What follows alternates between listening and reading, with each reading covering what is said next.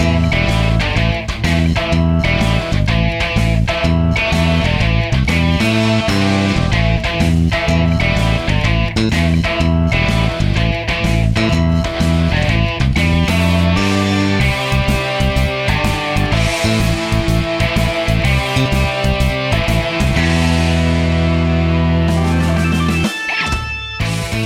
13 januari, dat is vandaag. En dat is een zaterdag. En op zaterdag is het altijd op de klippen tussen 12 en 2.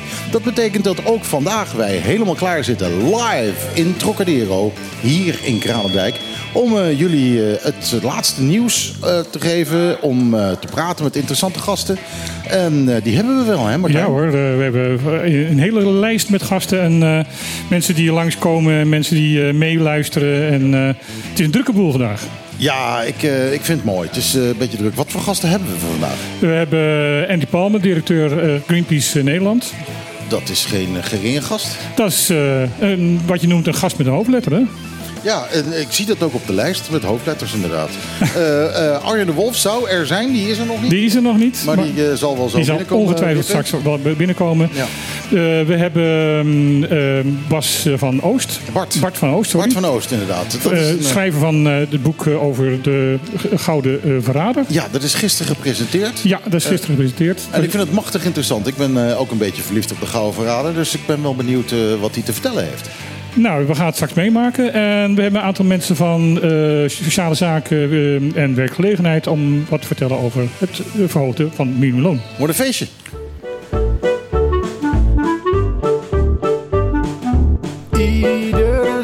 Zaterdag tussen 12 en 2. Live met Michiel en Martijn. Wat een feest! Dit is op de klippen. 901.1.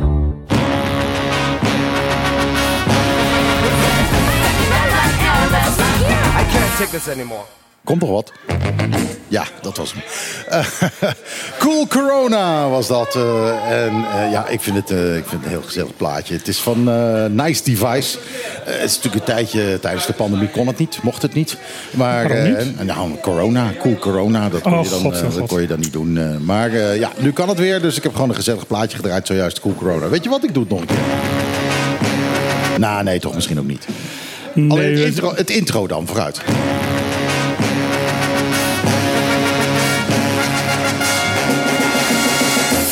En dat was meteen de, de aankondiging van uh, het aankomen van uh, de griffier des eilands. Niemand minder. Oh, ik krijg wel mijn hand. Niemand minder dan Arjen de Wolf.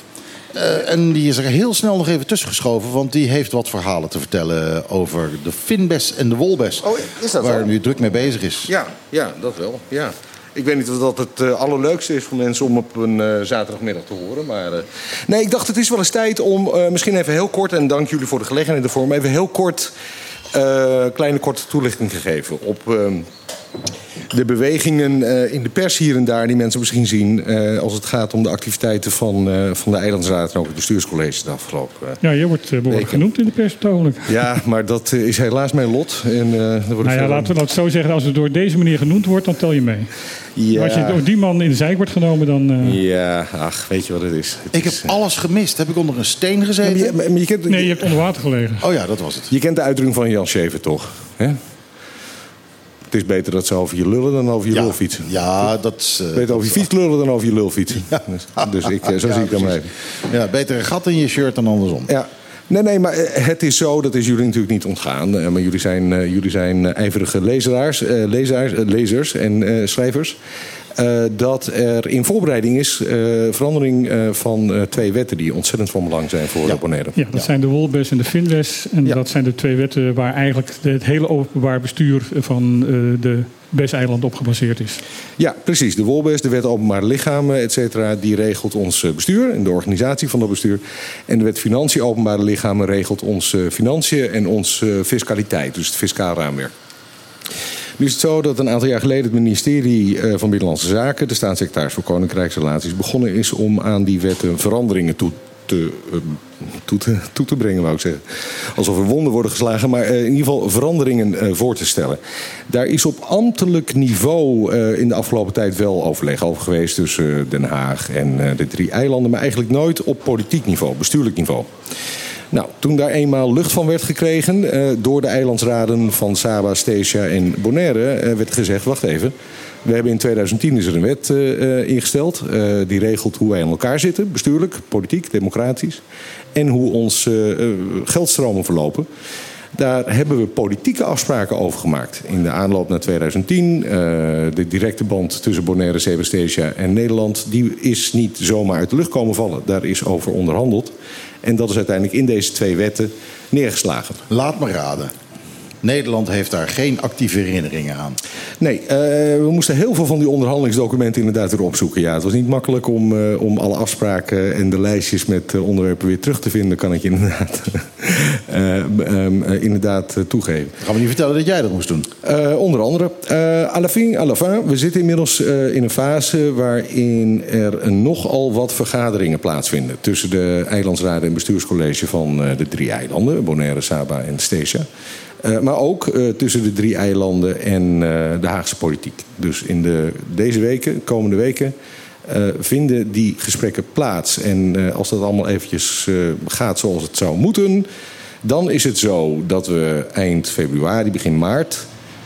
zullen zijn gekomen tot een soort van herziening van die twee wetten die eh, ook een beetje lijkt op eh, wat Bonaire daarvan verwacht. Want alles wat er tot nu toe aan eh, voorstellen wordt gedaan... dat zijn ja, de voorstellen zoals BZK die ziet en hoe Nederland die ziet.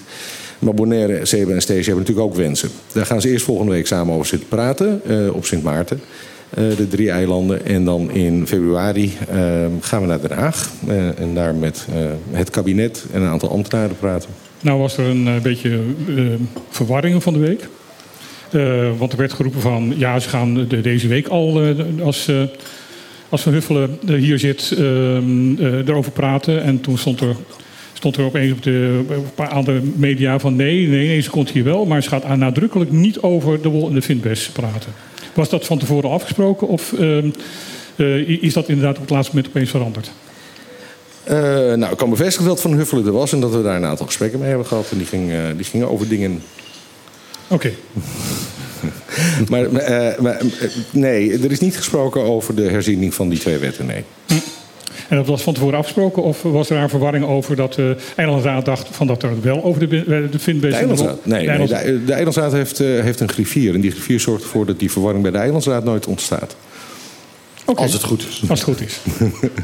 Nee, eh, er lopen natuurlijk twee dingen. We hebben op dit moment eh, de herzieningsdiscussie van die twee wetten. Die loopt. Ehm, tegelijkertijd is het, eh, zoals jullie weten, ook nog zo... dat de positie van eh, gezaghebber vakant is.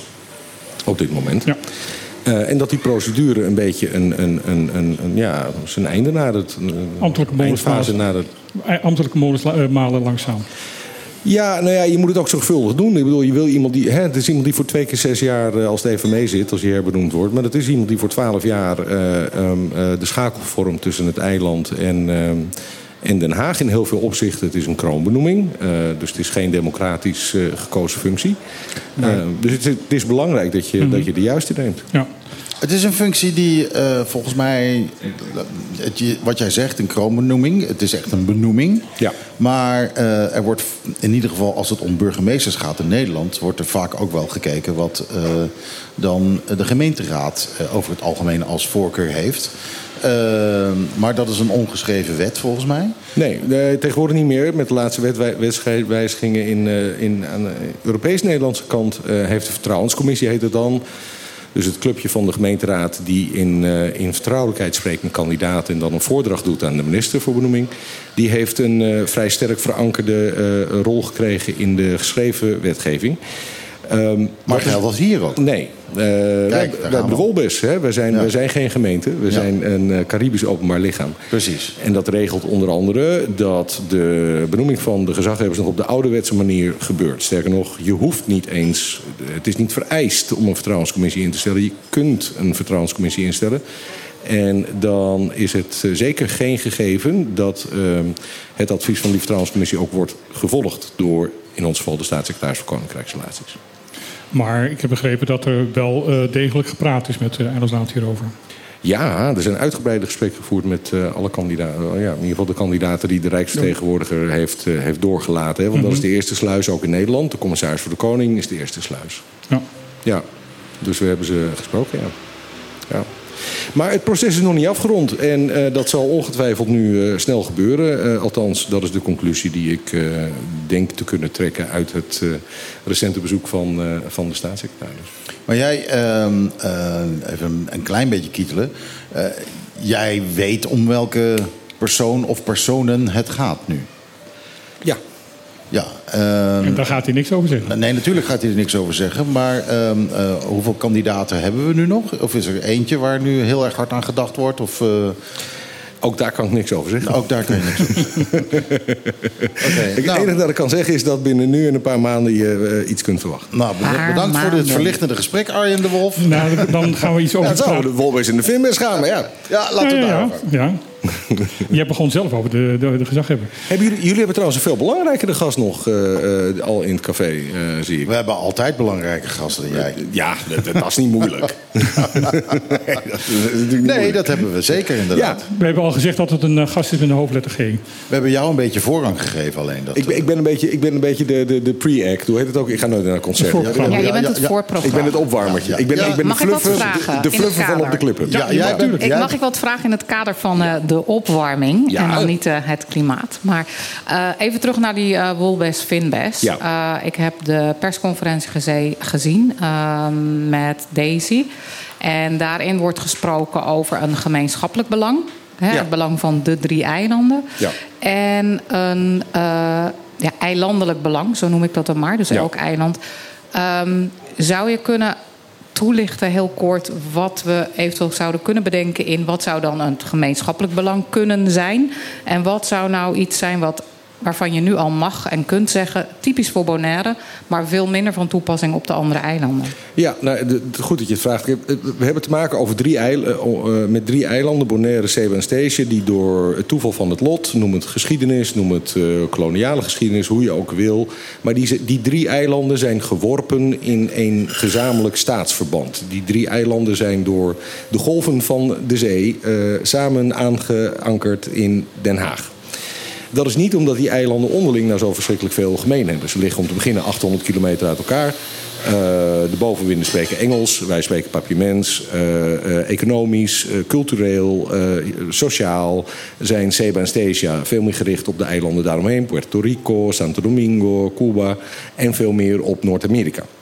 Wij zijn om allerlei redenen veel meer eh, gericht op onze buureilanden Curaçao en Aruba. Maar ook op eh, Venezuela, Colombia. Sociaal, cultureel, geschiedenis, qua eten, qua drinken, nou, al die dingen. Dus we hebben eigenlijk, als je het gewoon op een kaart... Niemand zou het bedenken. Goh, laat ik die drie eilanden nou samen in een staatsverband stoppen. Ehm, dat bovendien zijn we in grootte ontzettend verschillend. Bonaire heeft eh 24, ik geloof officieel zelfs nu 25.000 inwoners.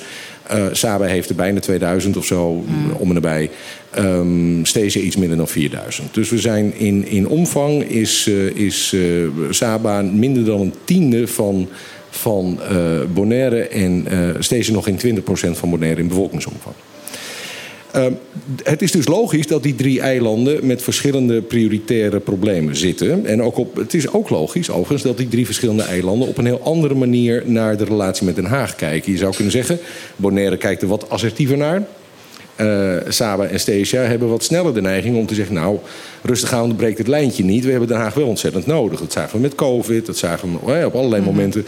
dat we er niet aan zouden hebben moeten denken... dat we nog steeds onder Sint Maarten, laat staan Willemstad, eh, Curaçao hadden gehangen. Heel veel voor- voordelen. Desalniettemin zijn er ook nadelen. Er zijn natuurlijk ook eh, eh, eh, zaken als zorg, zaken als infrastructuur, zaken als transport tussen de eilanden, zaken als hoe komt nou wetgeving in Den Haag tot stand die hier effect en gelding gaat hebben en wat is nou eigenlijk onze materiële democratische invloed daarop? Die is, die is namelijk niet. We zitten niet in de Kamer. Ehm, eh, de zorgen om klimaatverandering, die, die, die delen wij natuurlijk. Ehm, dus er, er is een, een x-aantal onderwerpen eh, waarop de eilanden hebben gezegd... hey, dit is eigenlijk wel een goed moment om te kijken of we nou niet eh, een samenwerkingsverband zouden kunnen creëren met elkaar... Waardoor we eh, eh, op die dingen waar we het over eens zijn, samen eh, Den Haag proberen tot de juiste beslissingen te brengen. Maar laten we ook ruimte houden voor datgene wat ons verschillend maakt. Kijk, veel wat natuurlijk fout ging in de, in de koloniale organisaties van deze eilanden van het verleden.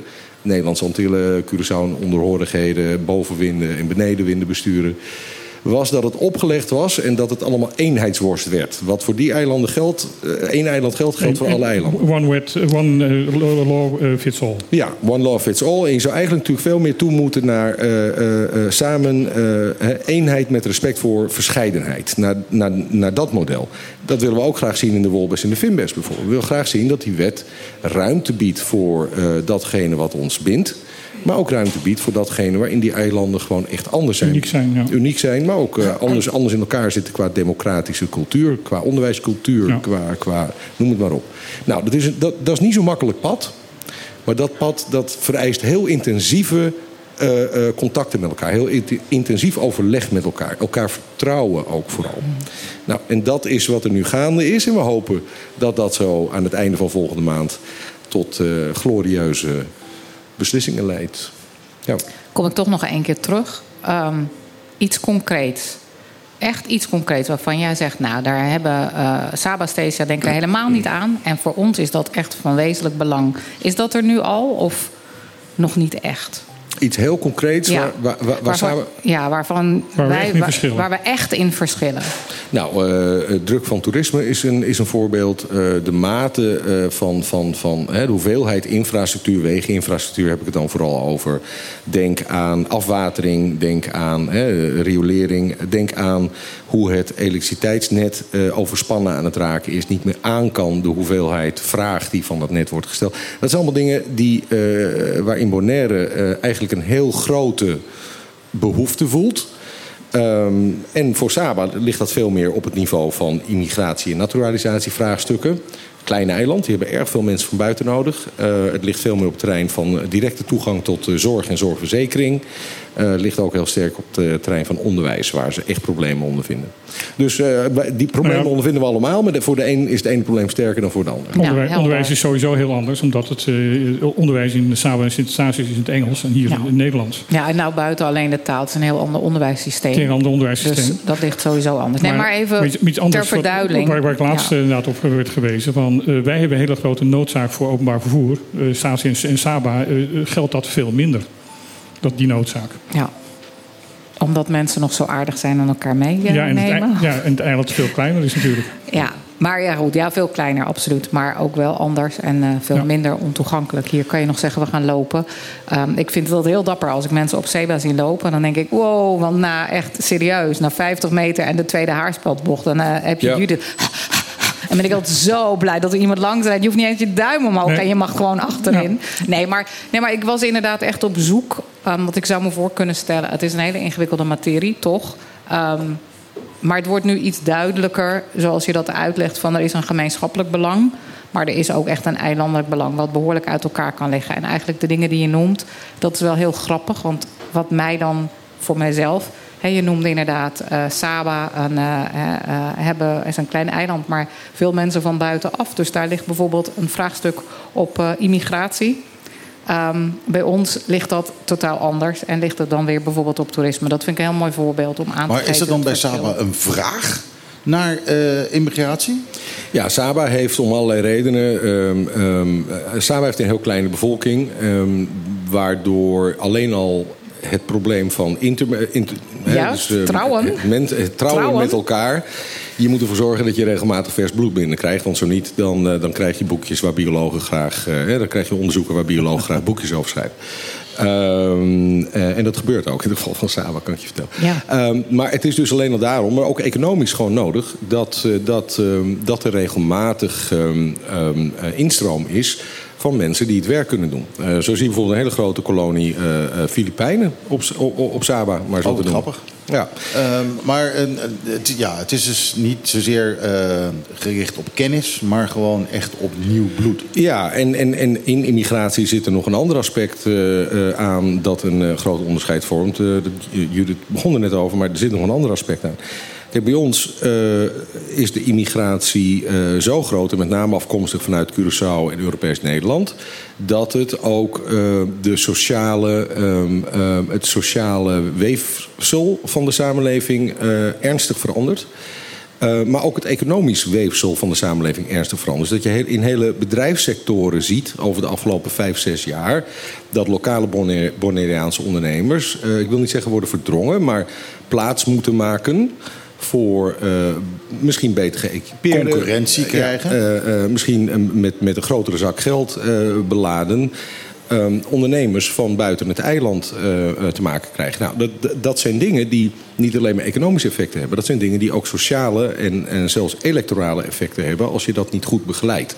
Dat zijn problemen die op Saba en Stesia absoluut niet aan de orde zijn, maar bij ons uh, elke dag sterker worden. Dus, dus um, ja, er zijn, er zijn grote verschillen, maar desalniettemin zijn de verschillen niet zo groot dat de eilanden niet hebben bedacht van nou.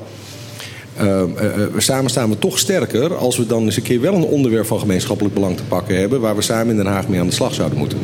Even als afsluiting, want we moeten naar de volgende gast toe. Ehm, de, de, wet, de wetten en, en Wolbest die zijn al gepubliceerd, tenminste in, in, consultatie gepubliceerd. Dus er, er, is al bekend van wat, wat er vanuit Den Haag wordt voorgesteld. Kan jij één onderwerp noemen waar alle drie de eilanden, eilandsraden nu van zetten, politiek van de eilanden zeggen van ja jongens, maar dat moet echt anders? Nou, ik, ik, ik, wil niet onze, Eén, hele, ja, ik wil niet onze hele onderhandelingspositie weggeven. Dus ik ben blij dat ik, dat ik er maar één mag noemen. Uh, kijk, één, één, probleem, dat is, dat is een financieel probleem. Uh, Saba, Stesia en Bonaire, even afgezien van het, uh, van het, van het bekostigingsniveau. Hè, dus, dus de hoeveelheid centjes die binnenkomen voor onze overigens eigen belastingcenten. We betalen zelf allemaal ook aan Den Haag. Um, is de wijze waarop die bezoldiging, die bekostiging plaatsvindt. Uh, er is een, wat heet een vrije uitkering, die komt elk jaar. Dat is een, een, bedrag, dat kun je van tevoren voorspellen. Dat mag je aan je autonome taken besteden. Maar daarnaast is er een hele waaier aan wat ze noemen bijzondere uitkeringen. Nou, geld met oormerken. Geld met oormerkjes. Um, dat is inmiddels een uh, door de bomen niet meer te overzien bos geworden... waarvan zelfs BZK niet meer weet... wat gaat er nou precies wel en niet naar welk eiland... op welk moment en onder welke voorwaarden. Dat maakt het voor ons hier op de eilanden ook ontzettend lastig om uh, dat geld goed te sturen. Want wat is een begroting? Wat is een budget? Budget is vertalen in geld wat je plan is. Maar ja, zo, he, niet andersom. Veel mensen denken dat je eerst geld hebt en dat je dan eens gaat bedenken wat je ermee gaat doen. Dat is het verkeerd soort van, overheid, van, van openbare financiën. Eh, het goede soort openbare financiën is. Ik heb een idee, ik zie een probleem, dat wil ik oplossen, zo en zo en zo.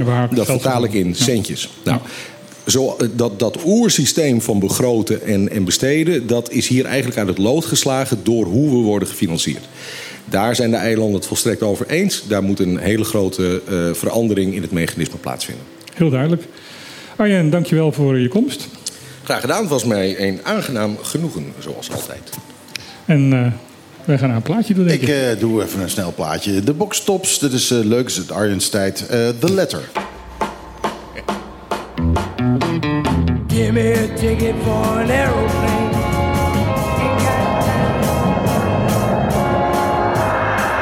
Een heel interessant liedje in het stereobeeld uh, hier. En halverwege bij ons viel even het geluid uit. Dus ik heb geen idee of dat ook op de radio is. Ik vond het wel mooi. Je zei 20 seconden. Toen zetten we een koptelefoon op. Zoals we dat altijd doen. Dan hadden we alleen maar aan de linkerkant. En jij zat van, hé, hoe kan het? maar het was in de plaat. Uh, het zit in de plaat. Inderdaad. De boxtops, de letter. Martijn. Uh, opeens is onze tafel heel vol ja. met best wel belangrijke mensen. Maar wie zijn het? Uh, nou, aan de ene kant zit uh, Andy, Andy Palmen. Palmen. Palmen, ja, klopt. Je moet iets dichter bij de microfoon komen. Je moet hem echt, echt kussen. Probeer het eens. Zoiets? Ja, ah. fantastisch. Uh, naast hem zit uh, Meralni Bomba. Ja, klopt. Meralni Bomba. Meralni, sorry. Ik, ik leg altijd klemtonen verkeerd. Ik ben gewoon een domme kammer. Oh, nee. En tevens aan de tafel is uh, Daniel Hassan, die eigenlijk een beetje de stem van de Bonaireaanse jeugd uh, is op een of andere manier. Uh, dat zou ik helemaal niet zeggen hoor. nee, nee, maar je ik bent. mezelf. nee, natuurlijk ben je jezelf, maar ehm, ja, jij bent een. hoe oud ben jij ondertussen? Ik ben 19. Kijk, 19. en nou, ik persoonlijk vind hem super intelligent, dus ik denk dat hij wel zinnige dingen kan zeggen. Ja, ik denk zeker over, over klimaat, daar mag ik wel wat over zeggen. En in ja. dit specifieke onderwerp denk ik dat ik over, namens heel veel Bonaireaanse jongeren spreek. Dit is gewoon zo'n onderwerp, gaat ons over ons toekomst van ons eiland, Juist toekomst dat. van onze economie. Dat is echt al met al een, een heel belangrijk onderwerp onder Bonaireaanse jongeren. Precies, uh, over twintig jaar het is jullie toekomst. In de zee. Uh, maar het is jouw toekomst inderdaad. Uh, wij zullen het waarschijnlijk nog maar heel beperkt meemaken. Maar het zijn, ja, jullie zullen het meemaken. Jullie gaan het, het, het gaat over jullie. Nou, ik zou helemaal niet zeggen dat jullie het maar heel beperkt mee gaan maken. als we kijken naar de rapporten, hebben we het over 2050. Dat ja. is over minder dan 30 jaar.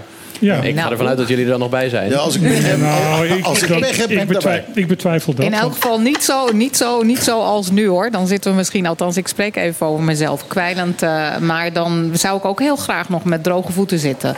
Um, en dat wel, maar ik denk... Dat zit je sowieso niet, want je zit te kwijlen. Dus ja, ja als ik heel erg kwijl... Ja, waarschijnlijk doe ik dan ook andere dingen dat ik niet meer... Dat zou beter passen bij dat niet droge voet. Ik wil even zeggen, um, tussendoor... Ik ben uh, gisteren teruggekomen uit Nederland. Ik was in Nederland en um, er is van alles en nog wat uh, geweest op televisie... of op allerlei kanalen en zenders, of hoe noem je dat... waarbij Bonaire genoemd werd. jullie in beeld waren dat was echt. Uh, ik voelde me even super, super trots. Het was echt een tof moment. Ja, dat is leuk om te horen. Oh, tof moment. Ja, jullie hebben wel kans gezien. Meer, eigenlijk idioot, maar meer dan uh, bij het sociaal minimum. Ja, Nee, serieus. Dit is, uh, dit is echt. Uh, en wat ik heel erg bijzonder vond, dat uh, ik heel veel mensen sprak. van diverse leeftijden, van diverse, nou ja, whatever waar ze vandaan komen die op een of andere manier hier toch wat van vinden of het er met je over willen hebben. Um, tot zelfs gisteren in het vliegtuig. Mm -hmm. um, op zo'n rijtje van drie. Dat mensen naast me zeiden van... We gaan voor het eerst naar Bonaire. Andere eilanden kennen we al. Ja, jullie, wa jullie, jullie waren nog op televisie. Oh. Uh, dus dat was echt... Uh, nee, die hebben jullie fantastisch gedaan. Is uh, knap. Oh. En hebben jullie heel hard voor gewerkt. Dus die heb je al vast in je zak. Dat er aandacht is. Nou, dat is ontzettend leuk om te horen. En dan nu de actie. Juist, ja, nee, absoluut. Want nu moeten jullie, voelen jullie even, de, de, dat is ook een soort op, ook opwarmen. Feel the pressure. Yeah, feel the pressure. Definitely feel it. definitely. Greenpeace heeft al een tijd geleden aangekondigd van, uh, dat jullie een, een, rechtszaak tegen de Nederlandse staat aan het voorbereiden waren. Aan aanleiding onder andere van een onderzoek wat in, door jullie betaald is. Over um, ja, wat de toekomst van Bonaire is als er niks gebeurt met, uh, met klimaat klimaatveranderingen. Uh, dat onderzoek had natuurlijk door de Nederlandse staat uh, uitgevoerd moeten worden. Vonden wij ook, ja. Uh, ik zou als het jullie was in die, in die rechtszaak dat ook de kosten daarvan ook terugclaimen. dat meen ik serieus trouwens hoor. Ehm, en ehm, ik heb begrepen, maar dan geef ik het woord graag dan aan jou Andy of aan, aan jou dat uh, jullie veel met de Nederlandse regering hebben gepraat hierover. Veel met veel ambtenaren en een aantal bewindslieden. En dat het eigenlijk allemaal, uh, wat jullie te horen hebben gekregen, mooie praatjes, uh, maar geen daden. Ja. Zal ik even, Maral, moet ik beginnen met te zeggen dat ik niet in een vat met whisky ben gevallen, maar last heb van de airco. Dus vandaar dat ik zo uh, ja, het, is gewoon, het is gewoon COVID, joh. Ja, nou, nee, klinkt heel sexy. Nou, nou Ga maar door. Klinkt heel sexy. Of niet, Nani? Klinkt heel sexy. Ja, okay. nou, oké.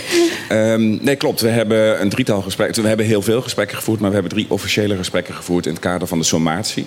Uh, en wat je dan ziet is dat er wordt gezegd... nou, we zijn al flink bezig op het eiland hè, met die klimaattafels. Terwijl wat ons betreft... Uh, het, geen voorzitter nog? Het is oorver, oor, oorverdovend stil, stil. natuurlijk. Um, kijk, en het, het, andere belangrijke onderdeel van de rechtszaak is dat wij zeggen dat Nederland veel sneller haar CO2-uitstoot moet uh, reduceren dan dat ze nu van plan is. Want je kan wel alleen hier op het eiland allerlei maatregelen nemen. Maar het is uiteindelijk dweilen met de kraan open. Dat zie je ook in dat rapport. Ja. Dan zie je hoe warmer het wordt op de, uh, op de wereld. Uh, hoe groter de problemen hier zullen zijn. We, zien, uh, we zien het als we hier kijken gewoon op de boulevard. We zien dat het nou, water ziet... omhoog komt. Uh, er zijn problemen met Sorbonne. Alhoewel er ook sprake van is dat dat ja. ook nog andere oorzaken zou kunnen ja, hebben. Ik was, ik was twee dagen geleden bij het LAK. Omdat ik hoorde dat mensen daar, de toeristen daar met hun voeten in het water staan. Ja. Terwijl ze op het terras zitten. En dat, dat is ook zo. Mm. kijk, dat kan ook andere oorzaken hebben. Hè? Dus dat weet je nooit zeker. Dat is een beetje het lastige van klimaatwetenschap. Is dit nou klimaatverandering? Of komt het omdat er te weinig zand wordt uitgebaggerd? Dat is ook wat, wat ik hoor. Nou ja, ik, uh, ik heb begrepen maar, dat het probleem juist is dat het te veel zand nou is ja, goed, ik, daar, waardoor, waardoor daar wil ik ook geen uitspraak over doen. Uh, daar heb ik gewoon geen verstand van. Wat ik wel weet uit de rapporten, en met name uit het vuurrapport... is dat dit de toekomst is van het eiland. Met name dat deel zal onder water komen te staan. Koraal zal gaan uh, verdwijnen, de hitte zal toenemen. Dus het is een heel pakket aan, aan zaken dat eigenlijk de, de, het, het eiland bedreigt. Ja. ja. Maar nu? Uh, dat is duidelijk. Ehm, het rapport van de, de Vrije Universiteit vertelde ook van dat ja, 15% waarschijnlijk onder water Ja, 20 zelfs, als zelfs 20 onthouden. Ja. Ehm, wat, wat, verwachten jullie nu van Nederland? Wat, wat willen jullie bereiken met die, met die, met die rechtszaak? Wat, wat is, waar, uh, welke uitspraak van de rechter zijn jullie tevreden mee? Ja, nou, het, het, kernpunt is: het is niet rechtvaardig dat als je op Ameland woont, dat je beschermd wordt door de Nederlandse overheid. Als je op Bonaire woont, dat je niet beschermd wordt. Dat is de kern. Mm -hmm. En hoe bescherm je dit eiland? Op twee manieren. De CO2-uitstoot van Nederland heel snel naar beneden. Veel sneller dan dat we nu van plan zijn. Want anders is het dweilen met de kraan open. Dus wij zeggen 2040 moet het echt klaar zijn. En niet 2050. Maar zou dat wereldwijd moeten? Ja, maar ook Nederland. Hè. Dus we weten gewoon uit andere rechtszaken... dat je niet kan zeggen, nou de rest van de wereld doet het ook niet... dus wij hoeven het ook niet te doen. Je hebt gewoon een zelfstandige plicht om de rechten van mensen te beschermen als land. Mm dus Nederland moet die, die CO2-uitstoot veel sneller naar beneden brengen. Dan, en dat gaat dus echt over Nederland, over Den Haag, Utrecht, uh, Leiden. Natuurlijk hier ook op het eiland. Hè, dat, eh, doe vooral mee. Ook hier rijden de, de SUV's rond. En er is heel weinig elektrisch vervoer. Hier kan ook nog van alles gebeuren. Er is geen openbaar vervoer. Precies. De grote klap vindt natuurlijk plaats Veel in Europees Nederland. Mhm. Eh, het tweede deel wat je moet doen is het eiland uh, letterlijk beschermen tegen de golven. Maar ook tegen de hitte. En daar, zijn die, daar is die klimaattafel voor. Daar ga je met elkaar bedenken, hoe doe je dat nou? Is dat nou een dijk? Nee, dat zal vast niet kunnen. Is dat mangrovenbossen? Niemand die echt nu al weet of dat voldoende zal zijn.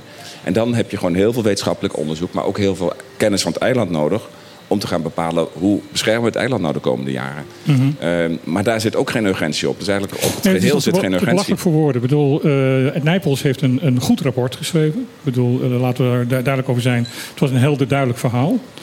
Uh, zegt van die klimaattafel moeten komen. Heeft nog een aantal andere dingen, harde dingen er ook nog bij gezegd. Dat is april vorig jaar geweest. En sindsdien is er volgens mij gewoon niets gebeurd. Ja, en ik denk dat ik, ik heb Nijpels ook gecomplimenteerd in, op zich met dat rapport. Dus ik vond dat hij dat niet uh, onverdienstelijk heeft gedaan. Maar wat, wat er niet gebeurd is, en dat heeft hij ook nagelaten, is om de gemiddelde normale Bonaireaan er echt goed bij te betrekken. Als mensen het hier niet weten, als ze daardoor uh, niet weten wat er speelt dus ook niet naar het OLB stappen om te zeggen... die klimaattafel moet er komen. Als je je recht niet eist, ja, dan gaat het gewoon niet gebeuren. Dat is overal ter wereld zo. Wat is de rol van het openbaar lichaam hierin? Nou, die klimaattafel die, eh, wordt onder verantwoordelijkheid van het OLB eh, vormgegeven. Dus de hele uh, CO2-uitstoot van Nederland naar beneden brengen, mhm. dat is gewoon Den Haag. Ja. Maar die klimaattafels, ja, dat moet toch wel echt hier gebeuren. En ik vind het ook terecht dat het hier gebeurt. Want hier zit de kennis, hier zit het belang. Dat moet je niet uh, vanuit Den Haag gaan aansturen. Nee, zeker Dus eigenlijk ook die voorzitter moet vanuit uh, OLB gekozen worden. Ja, wat mij betreft wel. Ik vind het, het, draagvlak hier voor de maatregelen die worden genomen is cruciaal. Hm. En ik denk als we het hebben over het draagvlak, dan is het wat misschien soms um, niet iedereen doorheeft, is dat. Uh, want we hadden het net ook over hoe er niet genoeg aandacht was voor het sociaal minimum en wel voor klimaatverandering in Nederland over de eilanden. Maar eigenlijk zijn die twee dingen best wel onlosmakelijk verbonden. Als je nadenkt over um, onze economie, die is nu nog heel erg afhankelijk van het toerisme. En dan hebben we, uh, als we nadenken over wat voor een effect de klimaatverandering heeft, um, dan heeft dat negatieve effect op het koraal. En dan hebben we dus uh, veel minder toeristen. Dus dan moeten we heel goed um, denk ik, duidelijk maken dat um, als we klimaatverandering niet aanpakken, dat uh, onze economie heel erg, uh, heel, daar heel erg onder zal lijden. En kunnen we ook nadenken natuurlijk over um, oplossingen. Kunnen we Um, maar als ik even in de reden mag vallen, het is, werkt natuurlijk ook andersom. Op het moment dat je een lege maag hebt, en heb, heb je niet zoveel tijd nodig, niet zoveel tijd over om aan, aan het klimaat te denken. En daarom is het de verantwoordelijkheid van onze bestuurders en in, uh, en in en in Den Haag om zich daarover zorgen te maken. Want ik ben het helemaal met je eens, als je twee banen hebt en je kan uh, uh, nog net boven het bestaansminimum uitkomen, dan kun je je absoluut niet zorgen gaan maken over het klimaat. Dus die verantwoordelijkheid ligt toch wel bij de bestuurders. Het is, het is onverbrekelijk met elkaar verbonden. Ja, klopt. Nee, maar ik denk inderdaad dat dat beide is. Ik denk dat het, uh, hè, wat jullie inderdaad constant aan doen zijn... is ook dit soort bruggetjes maken... om, om het uit te leggen aan zeg maar, uh, de burgers van Bonaire. En ik denk dat dat al heel prima is. Ja. En net wat jij zegt, hè, die twee banen... Um, dat betekent dus dat je uh, wel vier keer soms van A naar B moet. Eerst moet je je kinderen ophalen. En die moeten dan de kinderen opvangen. Die moeten ze naar de wil. En dan moet ik weer in de auto. En dan heb ik de volgende maand. Dan moet ik weer in de auto. En we hebben geen OV. Uh, dus het, het, is inderdaad, denk ik, een, een, een grote puzzel. Waar we allemaal een stukje van zijn, een onderdeel van zijn. En, maar inderdaad, als we heel veel dingen niet weten Um, dan gaat er nooit wat gebeuren. Ja, en, het heeft nog meer te dingen. Ik bedoel, Arjen zat hier net aan tafel, die zei overspannen de elektriciteitsnet.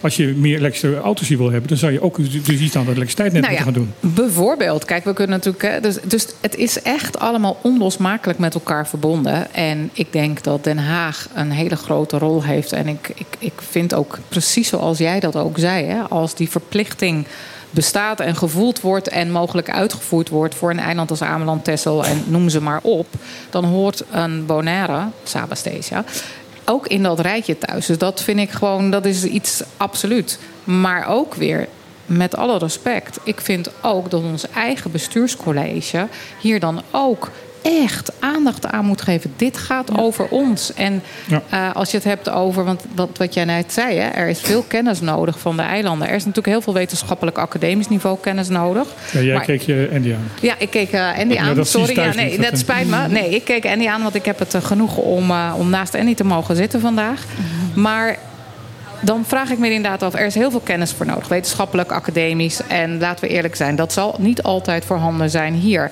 Maar ik denk dat menig persoon van, van, van 70, 80 jaar, die hier gewoond, gewerkt heeft, die de verandering meemaakt, jou precies kan vertellen hoe hij of zij erover denkt. En ik denk dat dat ook allemaal heel nuttig is en waar we verschrikkelijk veel van zouden kunnen leren. Dus Bonaire zelf is hier ook belangrijk. Maar het is Den Haag en het openbaar lichaam. En als ik daar dan ook even op mag aansluiten, dan denk ik inderdaad dat er gewoon een aantal concrete stappen zijn die, um, die we vanuit Bonaire gewoon al kunnen nemen. Als we nadenken over die economie dus. En um, we hebben net dus een, een, sociaal minimum, een nieuw minimumloon. Um, moeten we nadenken over hoe gaan we ervoor zorgen dat de economie dat kan dragen. En dan moeten we echt gaan nadenken over hoe diversificeren we dat nou? Hoe adapteren we ons aan dat nieuwe normaal, waarin het klimaat toch echt wel impact gaat hebben op onze natuur en op het massatoerisme. Um, dat massatoerisme draagt enerzijds bij aan uh, klimaatverandering. Dus dan, door even daarover na te denken, kunnen we kijken, mitigeren we dan niet een beetje al? Maar we kunnen ook met Bonaire veel meer dan alleen maar massatoerisme. We kunnen denken over innovatie. We zijn als Bonaire heel speciaal. We, zitten, we zijn onderdeel van Nederland. We hebben toegang tot uh, Nederlandse toezichthouders, Nederlandse uh, academie. Um, um, daar kunnen we wel veel meer mee. Uh, zeker op het gebied van duurzame energie. Um, hoe kunnen we er nou voor zorgen dat we niet alleen maar afhankelijk zijn van iets waar we eigenlijk al van weten, uh, dat dat door klimaat onder druk gezet wordt. En dat is iets waar uh, we als Bonaire eigenlijk al niet alleen over kunnen nadenken, maar stappen kunnen zetten. Ja, en misschien mag ik nog één aanvulling doen over het, de rol van het OLB en waarom dat zo belangrijk is. Kijk, um, klimaatverandering raakt ons allemaal. Ja. Um, alleen, we, we, hebben niet allemaal dezelfde reddingsboei om ons te beschermen uh, tegen klimaatverandering. Dus op het moment dat jij al, al weinig geld hebt, waar we het net ook over hadden, dan kun je er niet tegen beschermen. Het zijn de toeristen of de mensen die hier een tweede huis hebben... Uh, die al zonnepanelen op het dak hebben liggen... Ja, die worden er niet door geraakt. Die zullen alleen maar denken, hey, het koraal uh, wordt minder mooi. Maar die gaan gewoon door. Het zijn natuurlijk de gewone Bonaireanen nou ja, die het hardst worden wat geraakt. veel van Nederlanders hebben hun huis aan de kust hebben staan. Dan gaan ze nou ja, dan, dan krijgen ze natte voeten. Dat klopt. Ja, ja, dan krijgen ze natte voeten. Maar dat vind ik nog een, uh, vind ik heel vervelend voor die mensen. Maar als, dat het in je tweede nee, huis gebeurt. Maar ik maak me meer zorgen over wat betekent dat voor de... Meer stom dat je je huis aan de kust heeft laten houden. Nou, dat. En wat, voor de gewone Bonaireaan, wat betekent dat op het moment dat het uh, nog veel heter wordt. En je kunt geen airco betalen, betalen. En wat betekent het voor je oogst? Uh, wat betekent het voor je voedselvoorziening? Daar zit natuurlijk het probleem. En dat is de rol van het OLB. Nou, het gaat nog veel erger worden, denk ik. Uh, want uh, Bonaire ligt net buiten uh, de, de orkaan. de, de, de Hurricane Belt. Hoe noem je dat? Ja. De Hurricane Belt. Ja. Uh, maar vorig jaar kwam er een hurricane op ons af. En dat hebben we geluk gehad, want toen ging die ten zuiden langs ons. Wat eigenlijk maar, nog nooit gebeurd is. Maar als hij ten zuiden van ons langs gaat, dan kan hij ook heel makkelijk over ons heen gaan. Dus het is zeer waarschijnlijk dat in de komende tien jaar Bonaire ook voor het eerst in meer dan 150 jaar een orkaan over zijn, zijn hoofd heen krijgt. Ja. En dat is ook onderdeel van de klimaatverandering. Ja. En uh, ik denk dat het eiland daar ook helemaal niet klaar voor is. Nee. Dat er zoiets gaat gebeuren. Nee, we zijn helemaal niet voorbereid voor die dingen. Dat is het groot probleem. Want in Nederland, als er iets gebeurt, dan is volgende week alle, alles netjes al eh, afgeruimd en klaar. En Ja, dan wanneer precies. moeten we, eh, ja, we zullen we zien hoeveel maanden het gaat duren zodat we weer een mooie Bonaire krijgen. Nou, dus een- dat is het probleem. Je hebt een voorbeeld eh, gewoon in, in iets als eh, Sint Maarten. Ja. Het- daar gaat een storm overheen. Het, Ja. duurt, ze- het duurt zelfs daar, Ja. eh, waar ze toch meer gewend zijn, jaren voordat ze weer helemaal opgekrabbeld Het zijn. was toch 2017? Eh, weet ik niet precies uit mijn hoofd. Maar de, bedoel, het vliegveld is, is nog steeds, nog het vliegveld beschadigd. is nog steeds echt eh, dat je denkt, oké. Het ziekenhuis is nog steeds Ja. beschadigd. Ik bedoel, Ja, eh, ja. Het is nog Ja. steeds niet opgelost. Maar ja, goed, zij zijn een staat op zichzelf. Wij hebben Nederland erbij. Maar Ja. Nederland moet dan wel eh, helpen en eh, dat financieren. En, en dit maakt ook deel uit van de klimaatplannen die je zou moeten hebben. Eh, afgelopen zaterdag hadden jullie een eh, manifestatie. Op Zondag. zondag, sorry, neem me Ja. kwalijk. Zaterdag was, eh, zaten we hier. Toen hebben we gezegd dat het zondag... Ja, nou, het was zondag. Neem me Ja. kwalijk. Ja. Ehm, daar, eh, ehm, de opkomst was daar vrij laag, werd er gezegd. Ja. Ehm, nou, de- de- dat verbaast mij niks. Omdat Nee. ehm, de Bonaireanen g- gaan niet zo makkelijk de straat op om Ja. te protesteren. Het was bij de, het sociaal minimum was het al een enorme uitzondering dat daar een paar duizend mensen op straat stonden. Dat was echt eh, nog nooit gebeurd. Maar jij spreekt de mensen. Ja, ik, eh, inderdaad, er, was een manifestatie bij de Teamo. En er was inderdaad heel eh, weinig mensen. Maar goed dat de mensen die daar waren, waren heel erg supported, supporting. En ze waren er, da- er daar. En er waren heel veel camera's en zo. Dus ik ben zeker dat de nieuws uit was. En ik hoorde ook in het publiek, in de, in de omgeving, dat, er, eh, dat het echt eh, duidelijk was dat er een manifestatie was. Maar het probleem van Bonaire is, of de Bonaireaanse mensen, is ze zijn um, either moe of ze, ze, kunnen, ze hebben een bepaalde banen die ze niet zomaar kunnen spreken. Dus ze, als ze gaan spreken, kunnen ze hun banen verliezen. Of, eh, oh ja, jij bent eh, nu eh, Greenpeace, kan niet meer werken of zo, weet je. Dat, die zulke dingen spelen een rol. En ze zijn ook moe om te praten, want het is al jaren gaande dat Bonaire de serieus niet eh, gehoord wordt. Eh, we vragen voor dingen, we vragen voor dingen, maar het komt niet van Ne- Nederland. Dus de mensen voelen zich van, ik ga toch bij de theater, maar Nederland gaat toch niks doen. En dat is het probleem, de mensen zijn gewoon echt moe. Ehm, ik krijg wel um, berichtjes van mensen van, hey, jullie zijn goed bezig en ik steun jullie ook, maar ik kan echt eh, niet komen manifesteren en zo. De andere probleem of verschil waarom mensen ehm, wel heel of een heel hoog, grote hoeveelheid bij de sociaal minimum was, is je, je Ne- Nederland speelt in hun zak. In je, in je, je- You're in my pot money, Ja. zeg maar. En het is geld. En het is normaal in de ogen van mensen. Money is important. Als je het in het Engels wil doen, zeg het in het Engels. Oké, hè? ja, ik, ik switch automatisch soms in het Engels, dus so you guys know. dus je, je, je speelt in de zak van een mens met hun geld. De probleem is, de mensen zijn nog niet goed bewust dat het met elkaar te verbonden is. Je kan... Je kan een miljoen geld krijgen, maar als al je natuur en cultuur en het hele eiland onder water zit, Heb je er zit niks aan. heb je er niks aan. Dus dat, dat bewustwording in de mensen hier op Bonaire, of ja, wereldwijd, want er is ook wereldwijd die bewustmaking. Als dat niet, uh, if they're not getting it, they won't understand. Dus dat is dan, denk ik, de reden, of denk ik niet, ik weet dat dat de reden is, een van de redenen dus, dat er veel meer opdaag kwam bij de sociaal minimum dan bij natuur- of, of klimaat. eh, Mag ik daar ook nog even aan toevoegen dat ehm, wat betreft de jongeren, waar het denk ik toch veel meer eh, onder leeft, ehm, die hebben gewoon geen manier om bij een fysieke manifestatie te komen. Die manifesteren op een andere manier. Is dit een advies aan, aan de organisatie van als, als we inderdaad zo'n organisatie hebben, eh, dat je bussen laat rijden om mensen daar naartoe te brengen? Ja, nou, ik denk sowieso dat we een structurele oplossing, oplossing moeten hebben om mobiliteit op het eiland makkelijker te maken. dat- Er is geen OV, er is, Ja. het is on- te onveilig om te fietsen. Dus ja, dat, als je zoiets gaat organiseren, zou ik zeker ervoor zorgen dat eh, jongeren een manier hebben om er te komen. Maar jongeren kunnen ook niet naar hun buitenschoolse activiteiten, dans, sport enzovoorts. Dus dat is natuurlijk iets wat we... Daar moet structureel iets aan gebeuren. Maar een advies aan Andy, aan, de, aan Greenpeace. Ja, je goede suggestie. La- Laat bussen rijden en haal mensen op. Maar ik denk inderdaad ook, dit is ook een kwestie van volhouden. Hè? Want we hebben het nu over dat sociaal minimum. Maar daar lag al een ander protest aan ten grondslag. Want ik heb veel mensen gezien Ja. die bij dat allereerste protest over eh, onrechtvaardigheid en discriminatie. Dus daar lag, al een, daar lag al een basis. En ik zou mij voor kunnen stellen dat als jullie dit nog een keer zouden doen. Eh, misschien een andere plek of op een andere manier. Maar ik weet bijna wel zeker dat er dan meer mensen zullen aanhaken. Eh, het is ook inderdaad een kwestie van eh, gewoon proberen en doen. Ehm, en zeker eh, niet opgeven. Het is heel erg belangrijk. zeker. Ehm, Kijk, ja. misschien is het leuk om daar wat over te vertellen. Wij zijn een burgerbeweging. Hè? Dat is zoals wij opereren Absoluut. wereldwijd. Ja. In Nederland, eh, eh, Europees Nederland, hebben we 330.000 mensen die ons supporten. En eh, stonden we vroeger met 30 activisten eh, met een spandoekje ergens. En nu gaan daar 85.000 mensen op de Dam eh, lopen in een, in, een, in een demonstratie. Dat is knetterhard voor gewerkt, tientallen jaren. Dus wij verwachten echt niet dat we nu al eh, grote groepen mensen hier op de been krijgen. Dus natuurlijk hadden we daar liever 200 mensen gehad dan 60, 70, hoeveel het er waren. Eh, maar het is voor ons ge- geen enkel probleem. We gaan gewoon door. Ja. Vorig jaar hebben we hier de, wat was het, de Rainbow Warrior? Nee, de Arctic Sunrise heeft Ja. hier gelegen. Daar kwamen uit mijn hoofd 2500 mensen op af.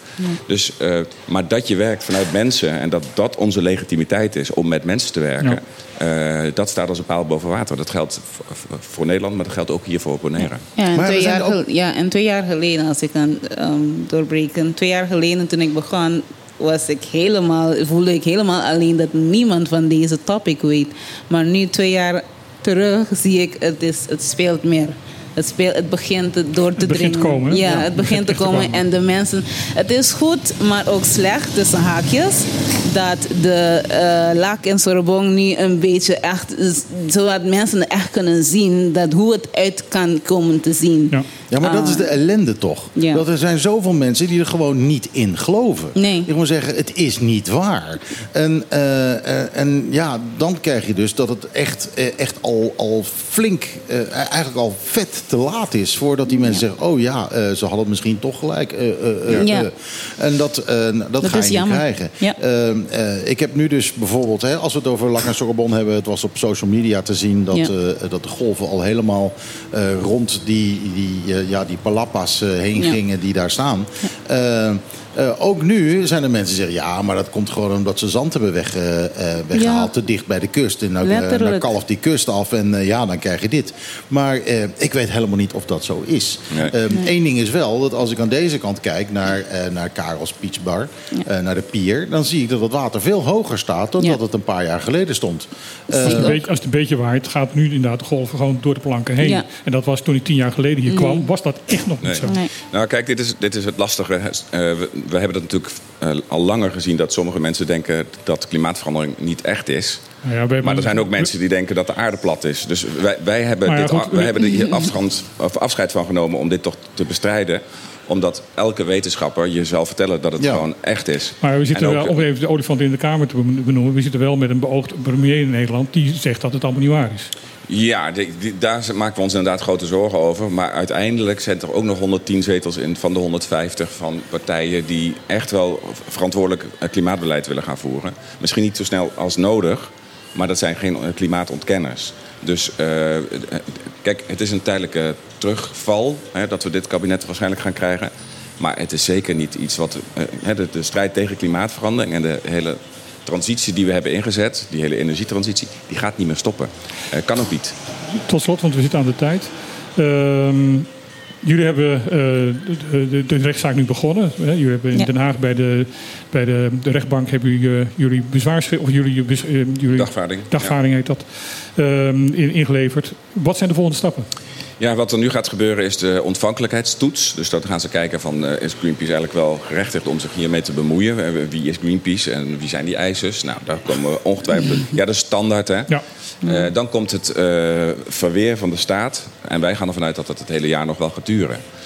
Dan zal je in 2025 de zaak krijgen. Dan, afhankelijk van de uitslag, zal er nog ongetwijfeld een hoger beroep komen. Dus dit gaat echt nog wel een hele tijd duren. Dus mijn oproep zou ook zijn, qua klimaattafels, ga nou niet wachten. Die moeten er gewoon zo snel mogelijk komen. Dus ik zei tegen Van Huffelen, wij zijn heel erg bereid die hele zaak op gebied van de adaptatie, dus het aanpassen van het eiland, eh, zijn we echt bereid om te verliezen, omdat het bestuurlijk zo snel is gegaan dat er een Mhm. oplossing kwam, Nou ja, dat we geen grond meer hebben. kijk- Heel graag, ik wil een oplossing. Ik wil niet die zaak winnen, Kijk naar een oplossing. Unkebon, Unkebon, die ook gewoon hun rechtszaak tegen de Nederlandse staat over de, de het sociaal minimum hebben opgeschort. Niet gestopt, maar opgeschort. Omdat er inderdaad heel veel dingen zijn. Wel met de stok achter de deur van, zodra wij zien dat het niet goed gaat, dan zetten we de, de rechtszaak weer door. Ja, dat is uiteindelijk altijd een scenario. Hè. Dus je, we blijven ook in gesprek. Dat heb ik ook afgesproken met, het, eh, met Van Huffelen. We blijven gewoon in gesprek met elkaar. Ook al staan we zo meteen voor de rechter. Het gaat om de oplossing. Wij hoeven niet te winnen. Het is geen voetbalwedstrijd. Wij willen gewoon een oplossing. Nou ja, je wint pas op het moment dat er iets aan het klimaat verandert. Exact. Ja, klopt. Ik wil u heel erg danken voor. eh, en ja, ik zou, we zouden wel een uur kunnen doorpraten, maar we hebben een heel druk programma Dat houdt mijn eh, whisky-stem niet. Hij wordt steeds plezanter om te luisteren hoor. Nou, jouw, eh, jouw bijzonder warme eh whiskystem hoop ik gauw weer te kunnen horen in dit programma. Zodra je weer eh, op het eiland bent, weet ons te vinden. En dan horen we graag hoe het Ja, ervoor weet, staat. weet dat Greenpeace altijd welkom aan deze Dat tafel is heel fijn om te horen. Dankjewel. Dank jullie wel. Maralni, ja. ook jij bedankt voor je tijd. Ja, zeker. Eh, ik heb hier een zeer toepasselijk, nou een beetje toepasselijk, nou misschien omdat het woord erin voorkomt. eh, I don't know. Eh, Weather With You van Crowded House.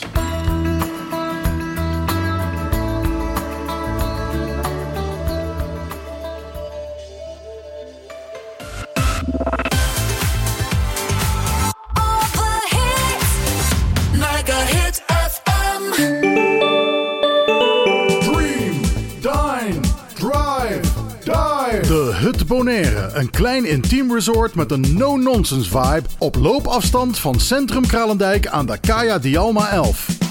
De ideale uitvalsbasis om Bonaire te verkennen. Kijk voor meer info op de socials of op thehutbonaire.com. Dream, dine, drive, dive. The Hut Bonaire.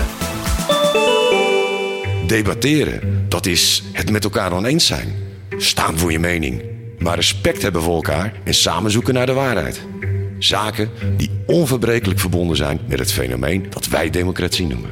Maar die democratie moet beschermd worden. Vrijheid komt niet vanzelf. Daarom is voor de Partido Democratico Bonaireano de onafhankelijkheid van de pers heel belangrijk.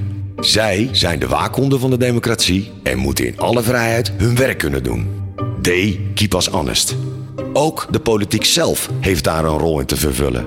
Daarom zet de PDB zich actief in voor de bescherming van de onafhankelijke journalistiek op Bonaire. PDB. Voor een rechtvaardig en duurzaam Bonaire. Ontdek Bonaire Automation. Al 18 jaar jouw vertrouwde lokale partner voor ICT en beveiliging. Als HP-partner hebben we de nieuwste apparatuur en alle gangbare inkt- en toner cartridges van HP op voorraad. Daarnaast zijn wij ook gespecialiseerd in geavanceerde beveiligingssystemen.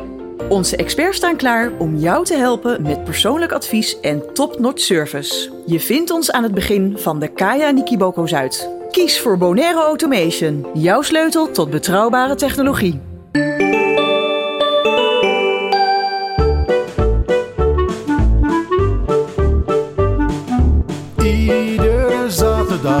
Tussen 12 en 2. Live met Michiel en Martijn. Wat een feest! Dit is op de klippen. 901.1. Ja, je luistert naar, ehm, kom, hoe heten wij? Op de klippen.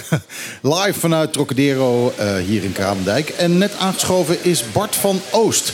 En dan zul je je misschien afvragen, wie is dat? Veel mensen online kennen hem eh, als B. Carib. Hij eh, heeft, ja, hij verzint vooral veel, eh, veel games, escape games. eh, en die zijn eh, bijzonder geïnformeerd. Hij, is, eh, hij, eh, ja, hij steekt mij naar de kroon als het gaat om... eh, interesse naar de geschiedenis van Bonaire. En eh, een van de manieren waarop hij dat gedaan heeft... is door een boek te hebben geschreven over de Gouden Verrader. Hi Bart, welkom. Ehm, Dankjewel. Wat, eh, wat kun je me vertellen over de Gouden Verrader? Wat is, wie is de Gouden Verrader? Ehm, Dicht bij, bij de microfoon, alsjeblieft. dicht bij de microfoon, oké. Ik schuif aan. Kijk, kijk goed naar hoe ik de microfoon kus op een bijna liefdevolle wijze. Zwoele manier. En, eh, en dan, eh, dan kun jij het ook doen. Je eigen, stem wordt, er- je eigen stem wordt er ook heel erg zwoel van. Hoor je wel. dat ga ik onthouden. Ehm, ja, ik, ik zit even te kijken, want de Gouden Verrader zelf eh, is een boekbeeld, een schegbeeld. ehm, wat normaal gesproken voor op een schip zit. Ehm, maar er zit, eh, de- en er bestaat er eentje hier op eh, Bonaire. Ehm, en dat is een hele bijzondere. Ehm, misschien even vooraf, of een introductie hoe bij de Gouden Verrader ben gekomen. Want je gaf al terecht aan in, eh, dat ik historische games maak met Big. Ehm, ik ben daar in 2021 mee begonnen. En dat was het interessant om te kijken van welke verhalen zou je nou kunnen gebruiken om in zo'n game te verwerken. Ehm, en de eerste keer kwam ik eigenlijk niet verder dan dat heel veel mensen over de geschiedenis van Bonaire wel weten. Van periodes, dus over eh, het zout weten ook over het algemeen wel mensen. Maar, Ja. eh, en de slavernij is natuurlijk nu het herdenkingsjaar. Heel belangrijk. zichtbaar natuurlijk. Je kunt het allemaal zien. Dus, eh, Zeker, ja. Maar de echt individuele verhalen, zoals je bijvoorbeeld op Curaçao hebt... over de slavenopstand van Tula of Trinity de Mei... waar Willemstad half afbrandde bijna. Eh, dat soort verhalen kwam ik niet 1, 2, 3 tegen. En toen, op een gegeven moment, was ik ben in 2016 hier begonnen... of eh, gekomen wonen op Bonaire. Eh, ik heb eigenlijk een achtergrond in de bedrijfsvoering, in de zorg. Dus ik ben bij Maria al begonnen. En inmiddels werk ik bij de SGB, de scholengemeenschap. Ehm, en in 2018 kwam ik op een gegeven moment achter dat er een eh, interneringskamp hier was geweest op Bonaire. En dat vond ik eigenlijk verrassend, omdat ik dat... Nou, ik vond het verrassend dat ik het niet wist. Eh, Ja. Terwijl ik toch al twee jaar wel hier woon en ik heb een bijzondere interesse in de historie. Dat ik dacht van, nou, dat zijn toch wel feitjes. En het interneringskamp heeft eh, een hele bijzondere rol gespeeld ook voor de ontwikkeling van Bonaire. Ehm, maar goed, dus toen ik in 2021 begon, heb ik dat eigenlijk als uitgangspunt genomen. En ik kwam natuurlijk op eh, Don Stewart, eh, Captain Don, eh, natuurlijk bekend figuur. En dat was eigenlijk mijn eerste verhaallijn, dat ik de Tweede Wereldoorlog iets wilde vertellen. Maar je volgt eigenlijk in die games een route. Ehm, en dan volg je het verhaal, in dit geval van Captain Don, over zijn transitie van, nou ja, speervissen tot uiteindelijk opkomst van het duiktoerisme en de bescherming van eh, eh, de natuur en van het marinepark.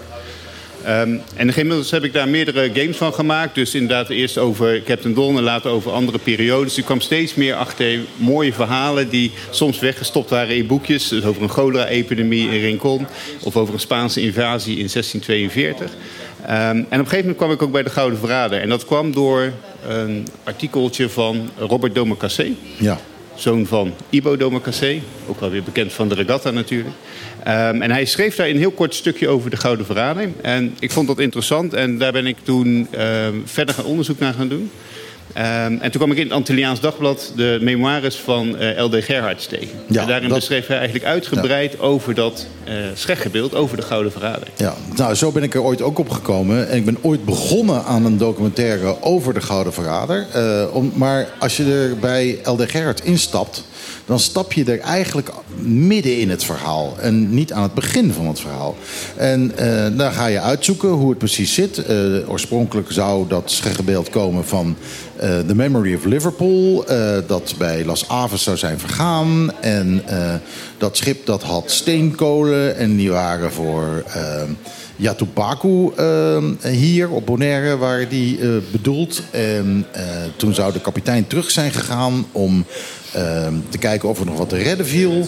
En die heeft alleen maar het boegbeeld gevonden en dat heeft hij hierheen gebracht. En zo zou het bij Yatubaku terecht zijn gekomen. Maar terwijl we bezig waren met die documentaire, bleken de feiten heel anders te liggen. En eh, daardoor kwam het op een gegeven moment een beetje, ehm, een beetje stil te staan. En ook nu nog, als je kijkt op het internet, wat is die Gouden Verrader nou helemaal? Ehm, dan staat daar eigenlijk nog niet ehm, de schokkende conclusie van waar dat beeld echt vandaan komt. Want het komt niet van de Memory of Liverpool. Het komt heel ergens anders vandaan. Ben jij bereid om dat hier te zeggen... of vinden ze dat je je boek moet lezen? Vind je Ah. dat je je boek, het boek moet lezen? Ja, je gaat er snel doorheen, want ik wilde eigenlijk nog wel één ding vertellen. Want ehm, het, het klopt inderdaad, hè, dat is de versie van, van wat Gerard zei. En dat deel heb ik eigenlijk verwerkt in die eerste game. Eh, en dat, dat draaide al een, een maand of twee, drie. En eh, toen, kreeg, toen stuurde jij mij een bericht van... hé, hey, het, eh, dat verhaal klopt misschien niet helemaal. In ieder geval niet over die herkomst. En toen hebben wij afgesproken. En dat was eigenlijk voor mij de trigger...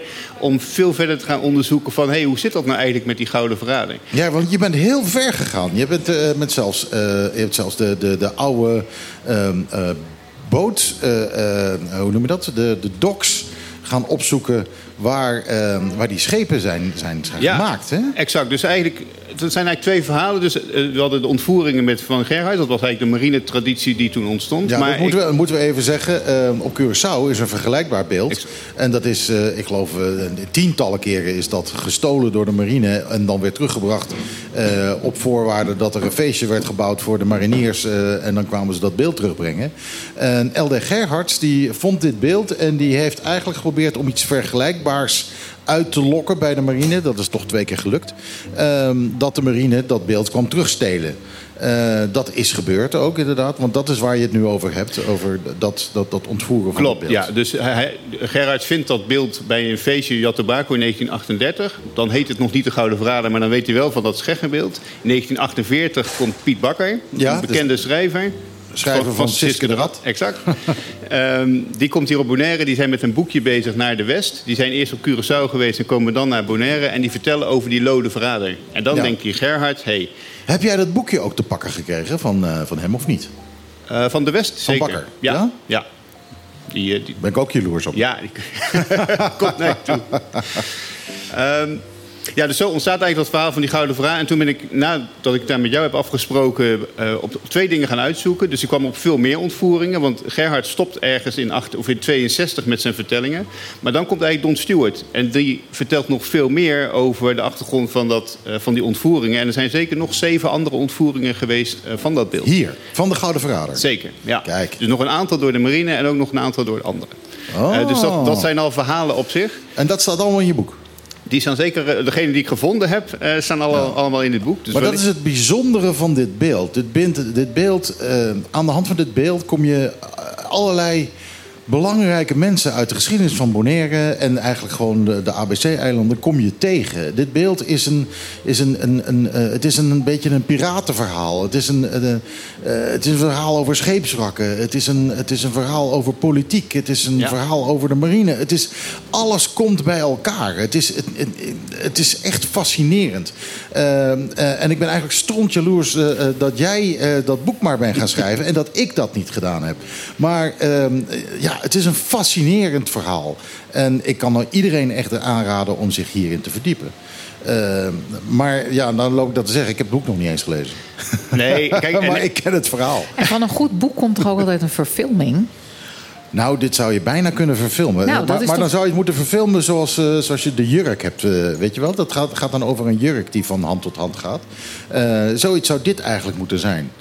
Eh daar zou je Nou ja, wie weet. Ik kijk naar Bart en, en ik kijk ook naar jou. Want volgens mij hebben we hier twee cracks aan tafel.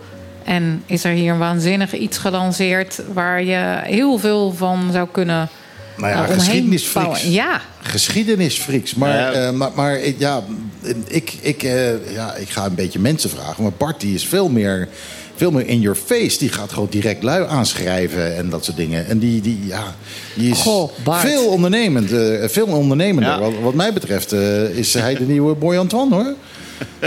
Eh, meer dan, eh, dan dat ik dat ben. ja, Eh, dat is super gaaf. Ik ga het, ik, ik ga het ook absoluut eh, lezen. Want ik ben ehm, zeker ook ehm geschiedenisfreak. Ooit... het waren drie luttele maanden in Leiden. Dat moet ik zeggen, dat had andere redenen. Maar eh, geschiedenis, eh, zeker. En eh, geschiedenis gewoon, het is, het is fun, het is plezier. Eh, het leert je heel veel en het maakt ook hoe we zijn en wie we zijn. Dus ik Ja, vind het dat is- heel interessant. Het en is dit gaaf. belangrijk. Het is super belangrijk. want we weten zo weinig over de geschiedenis van Bonaire. En, eh, en dit vult gewoon een klein beetje eh, dat gat wat er is. Eh, en, en heel erg leuk aan de hand van dat ene beeld. Je krijgt er gewoon een goed, een goed beeld van hoe, het- hoe mensen met elkaar omgingen. Hoe het ging hier zo. Eh, het geluid verandert steeds hier, eh, Martijn. Ik eh, heb galmpjes en dan weer niet. En, eh, Ja, ik eh, weet niet precies wat er aan de hand is. Ik zit te kijken. Nou, die galm komt ook omdat we ze nu en dan hier in de zaal uitvallen. En dan heb je dus ook geen galm meer op je stem. oh, oké, oké. Ehm, de- het probleem zit hier in de, de versterking van de zaal. En niet, als, ik- als we kan nagaan, niet op de zender. Oké, dus al die tikken die we hier horen, die komen niet echt door op de radio. Dat is fijn. Jullie, jullie weten niet, Spirito. wij, wij zitten hier een beetje te praten. En Martijn die loopt door de hele zaal eh, frantically een beetje aan draadjes te trekken en, en te luisteren en te doen. Ehm, en ja, dit is live radio, dus dan moet ik daar toch nog even wat over zeggen. Bart, ehm, Hier is het boek. Het is je eerste boek, als ik me niet vergis. Zeker, ja. Uh, apen trots volgens mij. Ik ben heel erg trots. Ja, en ik heb het morgen, gisteren mogen presenteren bij, eigenlijk, hoe kan het ook anders, bij Fuhikibo. Midden in de historie van Bonaire. Daar staat het beeld ook op dit moment. Uh, dus zij stond aan mijn zijde tijdens de presentatie. Dus dat was helemaal geweldig. Um, staat het daar ter expositie of... Het staat eigenlijk ter uh, opslag en, en, archivering. Want dat, dat, is op dit moment eigenlijk de meest veilige plaats. Staat het gekoeld? Um, het staat op dit moment voor mij wel in airconditioning. Oké, want dat is, uh, dat is denk ik een van de belangrijkste dingen. Het beeld is in vrij slechte staat. Uh, helaas. Uh, en zou eigenlijk moeten worden uh, gerestaureerd. Uh, maar dat heeft. Uh, aan crowdfunding komen. ja, nou ja, de, de, dus er moet iets komen aan crowdfunding, denk ik. Um, en ik denk, ja. Het zal helaas het eiland af moeten om dat te doen. het is vrij kostbaar om dat, om dat te doen. Um, maar ja, het kan niet anders. Um, we hebben nog niet gezegd dat we weten waar het vandaan komt. Uh, dat, dat, gaan we toch ook niet doen? Dat gaan we ook niet doen. Uh, niet on-air. Uh, nou, moet je... Misschien wel interessant om daarover te vertellen. Want ik wil eigenlijk niet zeggen welk schip het vandaan komt. Maar we hebben um, op een gegeven moment eigenlijk naar jouw uh, opmerking... ben ik natuurlijk wel helemaal erin gedoken. En in verschillende archieven, in Glasgow en zelf in Australië ook... ingedoken, de archieven, de bibliotheken in. En het interessante is van het schip waar het van afkomt... of in ieder geval waar ik vrij zeker ben dat het van afkomt... daarover zijn ook weer heel veel randverhalen te vertellen. Dus ja. kwam op een gegeven moment ook over de koeliehandel. dat zijn eigenlijk de, af, de periode na de afschaffing van de slavernij. En, en dat, zijn ook, zijn, dat is het, wat jij eigenlijk al zei. Het is zo leuk om dit. Er zijn zoveel randverhalen te vertellen bij dit beeld. Dat het gewoon heel compleet is. En ik vond het eigenlijk ook te groot om in één game te doen. Dus vandaar ook dat ik er een boek van heb geschreven. En, ja, ja, dat, ja, is nou, dit, dat kan ook niet. Moet je kijken wat een boek. Uh, maar dan heb probeer je dus... dat maar te gamen, dan ben je vier, vier dagen bezig. Ja, dat is. Uh, maar dan sta je dus feitelijk, laten we heel eerlijk zijn, in het kloppend hart. Hè, in de archieven uh, van historisch Bonaire. En daar sta jij je boek te presenteren. En um, nou ja, Michiel zei het al inderdaad, hè, de nieuwe Boy Antoine. Maar je staat eigenlijk in zijn huiskamer, in zijn domein. Ik ben ontzettend nieuwsgierig, hoe was dat dan om daar te zijn? Want dat is heel bijzonder. Ja. Dat is anders dan dat je een boek presenteert over de geschiedenis, met alle respect, bij een Bruna. Leuk, maar anders. Ja, nee, ja, dat was, ja ik even de nieuwe Boy Anton, dat, dat vind ik veel te veel eer uh, op dit moment voor de, sta, de... Je bent er nog niet, hè? ja. Wij zijn nog niet, je bent. Je, de oude je, boy, de oude je boy bent in staat nog, het te worden. Ja, en hij was gisteren aanwezig. En ook, ja, hij heeft enorm interesse. Ook hij, zijn familie speelt een hele belangrijke rol weer in dit boek. Ook, je zei het net over eigenaarschap ja. en wat er met dat beeld moet gebeuren. Dat is tricky. Uh, Heel tricky, inderdaad. Uh, dus daar doe ik verder ook geen uitspraak over. Ik heb er wel beschreven in het boek hoe die lijnen allemaal zitten en wie er wellicht allemaal aanspraak op maken. Uh, maar op dit moment staat het. En ik, wat, wat dan ook precies de aanspraak, wie, welke persoon dat is, het hoort op Bonaire en van Bonaire thuis. Want het is echt een onderdeel van de geschiedenis. Ja. Uh, Alleen het staat te verrotten. Het moet echt, nee, maar daarom. echt bewaard worden. Ik denk, ik denk, dat je dan uh, Fuikibo tekort doet. Uh, het is juist uh, bij Fuikibo geplaatst op dit moment om te conserveren en te zorgen dat het behouden blijft. Ja. En zij zijn ook goed aan het nadenken over hoe, hoe kan je het weer beschikbaar stellen voor eventueel musea later, dat het wel ook zichtbaar blijft. maar daar zijn nog geen, die, die, plannen moeten nog uitgewerkt worden. Ja, ja het is, hoe dan ook, moet, het, het, is absoluut een stuk Bonaireaans geschiedenis. Het moet inderdaad behouden worden. En het moet toegankelijk zijn voor het publiek. Dat is eigenlijk uh, uh, waar iedereen het wel over eens is. Nou, dan is het voor nu op de beste plek waar het zijn kan. Uh, voor ja, nu is het ja, op de beste ja. plek waar het, het zijn stond, kan. En het dat stond is fantastisch. in het Terramar Museum, maar het Terramar Museum, daar is van alles aan de hand. die gaan uiteindelijk ook verhuizen. Ehm, het kan mij niet schelen waar het staat. Als het maar, eh, als het maar goed staat, als het gekoeld staat. Ja. En eh, ja, wat er nu gewoon een keer moet gebeuren. En ja, waar dat geld vandaan moet komen, dat zal inderdaad waarschijnlijk crowdfunding worden. Maar het, het, het beeld moet ja, een, een publiek. En ik, ik zou het liefste zou ik zien dat er een stichting komt die het beeld beheert. Een stichting met Ja, met, met, met, met hoe heet het, statuten waarin staat dat het eh, op Bonaire moet zijn, dat het eh, eh, toegankelijk moet zijn voor het publiek eh, en dat het goed behouden moet worden. En het, ik bedoel, er, zitten, er zitten al barsten in, spleten. Mhm. Ehm, eh, het is open, stukken zijn, eh, stukken zijn eruit gehakt. Je, het zou echt moeten worden ge- gerestaureerd. Ehm, en ja, in ieder geval weer helemaal in een dusdanige staat moeten komen... dat je inderdaad kan zeggen van nou, de eerstkomende 100 jaar hoeven we er niks meer aan te doen... en staat hij gewoon mooi eh, zichzelf te wezen. Nou ja, je- je zou kunnen denken, want eh, hier op Bonaire... je ziet in Nederland heb je natuurlijk het, eh, het Nationaal Archief... en daar heeft de Nederlandse staat ook echt een plicht om cultuurgoed te behouden. Daar zijn ook veel gelden voor. Je ziet dat op Bonaire is dat allemaal private investeerders. Het Terra Mar Museum, maar ook voor Hikibo... heeft geen continue stroom van gelden vanuit de Nederlandse staat... terwijl ze toch zo'n belangrijke Ja. rol hebben in die archivering. Dus ook dat zou, denk ik, de Nederlandse staat... zou toch wel meer eh Maar financiering daarvoor moeten wat ik jou hoor zeggen, zou het heel mooi zijn als Fukiwo uh, meer een status krijgt, inderdaad echt van Nationaal Archief. Ja, Want wellicht. dan zou je aanspraak kunnen maken op gelden. Wellicht. Nou ja, het is een monument. Het is gewoon, het is gewoon een stukje monumentenzorg. eh, zo, zo, zo kan je het ook zien. Ja, dus het zou niet moeten afhangen in mijn optiek van pri eh, privégelden. Nee. Ja. Dus, dus het zou echt Nee. behouden moeten Ja, blijven voor het eiland. Ja, maar ik vind, het, ik vind het belangrijk, ik vind het heel belangrijk dat het geen eh privébezit bezit meer zou zijn. Ja. Eh, het moet niet in handen zijn van iemand die kan zeggen van zo, en nu ga ik dit Nee. verkopen aan een verzamelaar of. Dat mag echt niet gebeuren. Eens. Eh, dus, eh, dus ja, daarom wat mij betreft moet er gewoon een stichting komen eh, die duidelijk heeft staan van dat gaat nooit meer in handen komen van een privépersoon. Nou ja, we hebben heel veel luisteraars, dus wie weet. Terug naar het boek, want het is, is het, het is een boek als, het leest als ehm, een verhaal. Is het, is het meer historisch en, en, en is het een opzoekboek? Ik kijk ernaar, hè. ik heb hem dus nog niet. Nee, het is een goede vraag. Ik, ehm, eh, toen ik begon met het, of dat ik het boek wilde gaan schrijven, toen dacht ik ook, ja, wat, wat voor versie ga ik, wat voor vorm ga ik nou kiezen? Ik ben toen met René Rodes in contact gekomen. Hij is de, de auteur van L.D. Gerhards, de eh, biografie. Ehm, en hij raadde eigenlijk aan van schrijf nou het verhaal vanuit je eigen bevindingen. Want al die, wat je ontdekt en zo, dat is al interessant genoeg. Dus eigenlijk bestaat het uit nou, drie verhalen. In die zin dat het over de ontvoeringen, over de militaire of de marine historie, de traditie. De herkomst, dat is deel 2 van het schip. Van, er zijn eigenlijk drie kandidaatschepen waar het van af zou kunnen. En nou ja, ik bewijs dan dat het van één bepaald schip is. Eh, en het derde is eigenlijk mijn eigen eh, weg naar die bevindingen en eh, mijn onderzoek hierin. Mega interessant. Ja, daar mag ik een rolletje in spelen. Kijk, als, ik daar, als ik daarop aan mag haken, want ik heb gisteren dit boek mogen presenteren. Ik heb jouw naam uitgebreid omdat je een belangrijke rol hebt, omdat je hem aan het denken hebt gezet. Dus ik heb me ook voorgenomen en aangegeven dat jij dit exemplaar er krijgt. Eh, Oh, en ik zal na de uitzending nog voor je signeren ook. Oh, heel fijn, heel fijn. Dankjewel. Eh ik, eh, ik kan niet wachten. Ik kan niet wachten om het, om het te lezen.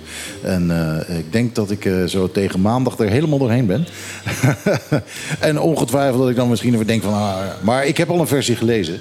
Eh, je had me al een, eh, een, een, een eerdere versie gestuurd. Dus ik ben benieuwd. Eh, ik eh, zal het met heel, heel veel plezier lezen. En ik eh, kan iedereen aanraden om dit boek aan te schaffen. Waar ligt het?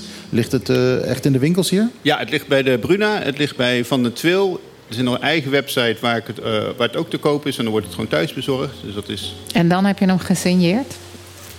Ik wil altijd een signeren. Dus eh, ja, het is of dat, eh, Bart, of ik kom toch naar die SGB om die handtekening te halen als ik dat boek gekocht Ja, dat, heb. dat kan ook. Ja, Ja, sorry. Li- Ligt hij nu al in de Bruna? Hij ligt nu in de Bruna, ook op Curaçao ligt het. Bij het Maritiem Museum eh, en bij de Bruna daar. En in Nederland is het eigenlijk overal verkrijgbaar. Nou, de is geen probleem. Blijf nog even zitten. Judith gaat even naar de Bruna.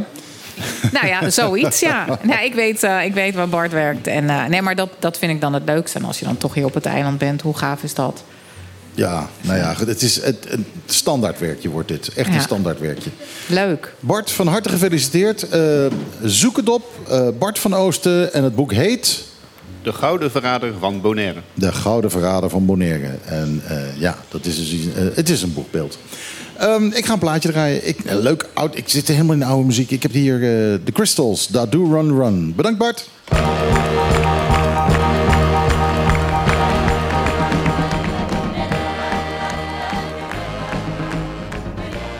The Crystals met Dadu Run Run. Eh, Martijn, eh, ik was even weggelopen om eh, Bart te feliciteren met zijn boek. Ja, ja. Maar er zitten allemaal nieuwe mensen hier aan de tafel. Ja, en Judith weet wie dat zijn. Zo, de bal wordt naar mij gestuurd. Ja, Ja, graag. Mag ook wel een keer. Ja, dat mag ook een keer. Nee, maar dat klopt wel een klein beetje. Want ik ben super blij dat aangeschoven is. eh, eh, twee mensen die van alles kunnen vertellen eh, vanuit UNIT, RCN, SZW, Sociale Zaken en Werkgelegenheid. Ehm, en waarom? We hebben het hier elke keer over eh, eh, minimumloon.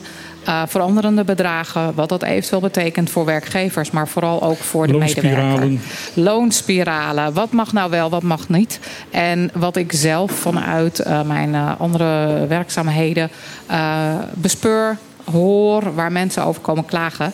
En, en ik weet gewoon dat de mensen van SZW eh, daar heel vaak antwoorden op hebben, goede informatie geven. Dus ik ben super blij eh, met aan tafel zowel ehm Julissa als eh, Michelle. En eh, fijn dat jullie op zaterdag eh, hier tijd voor eh, willen maken. Het is super belangrijk. Dus ik denk dat het heel leuk is om elk even heel kort voor te stellen wat je dan precies doet. Want er werken heel veel mensen bij SZW. En SZW is heel groot en doet heel veel verschillende dingen. Dus wat doen jullie specifiek? En hoe staat dat dan in relatie met waar we het nu over gaan hebben? Ja, dankjewel Judith. Nou, ik ben eh Julissa Stroop en ik ben teamleider binnen de unit SZW. Teamleider van? Ik, mijn afdelingen die ik nu onder me heb is de afdeling arbeidszaken, de werkstellingsvergunningen en de afdeling onderstand. Helder. Hi, ik ben eh, Michelle Knuf en ik werk als eh, projectleider. Dus eh, binnen de unit doe ik verschillende projecten. Oké. En ook te maken dus met eh, werknemers, werkgevers, salarissen, lonen, arbeidszaken. Yes. Juist. Nieuw minimumloon. Ja. Vanaf 1 januari 2024. Yes. En ehm, heel veel mensen denk ik heel erg blij.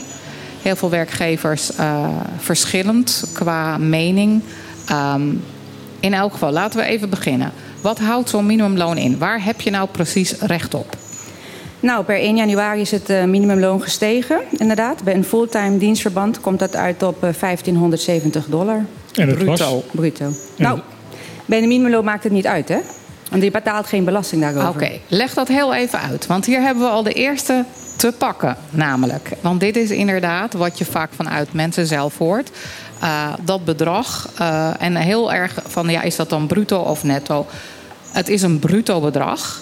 Echter, door ons belastingwetgeving maakt dat uit dat je er bijna nihil belasting over betaalt. En dus dat bedrag netto uitgekeerd krijgt. Yes, dat is eigenlijk het verhaal. Klopt, voor de werknemer. Voor de werknemer, exactly.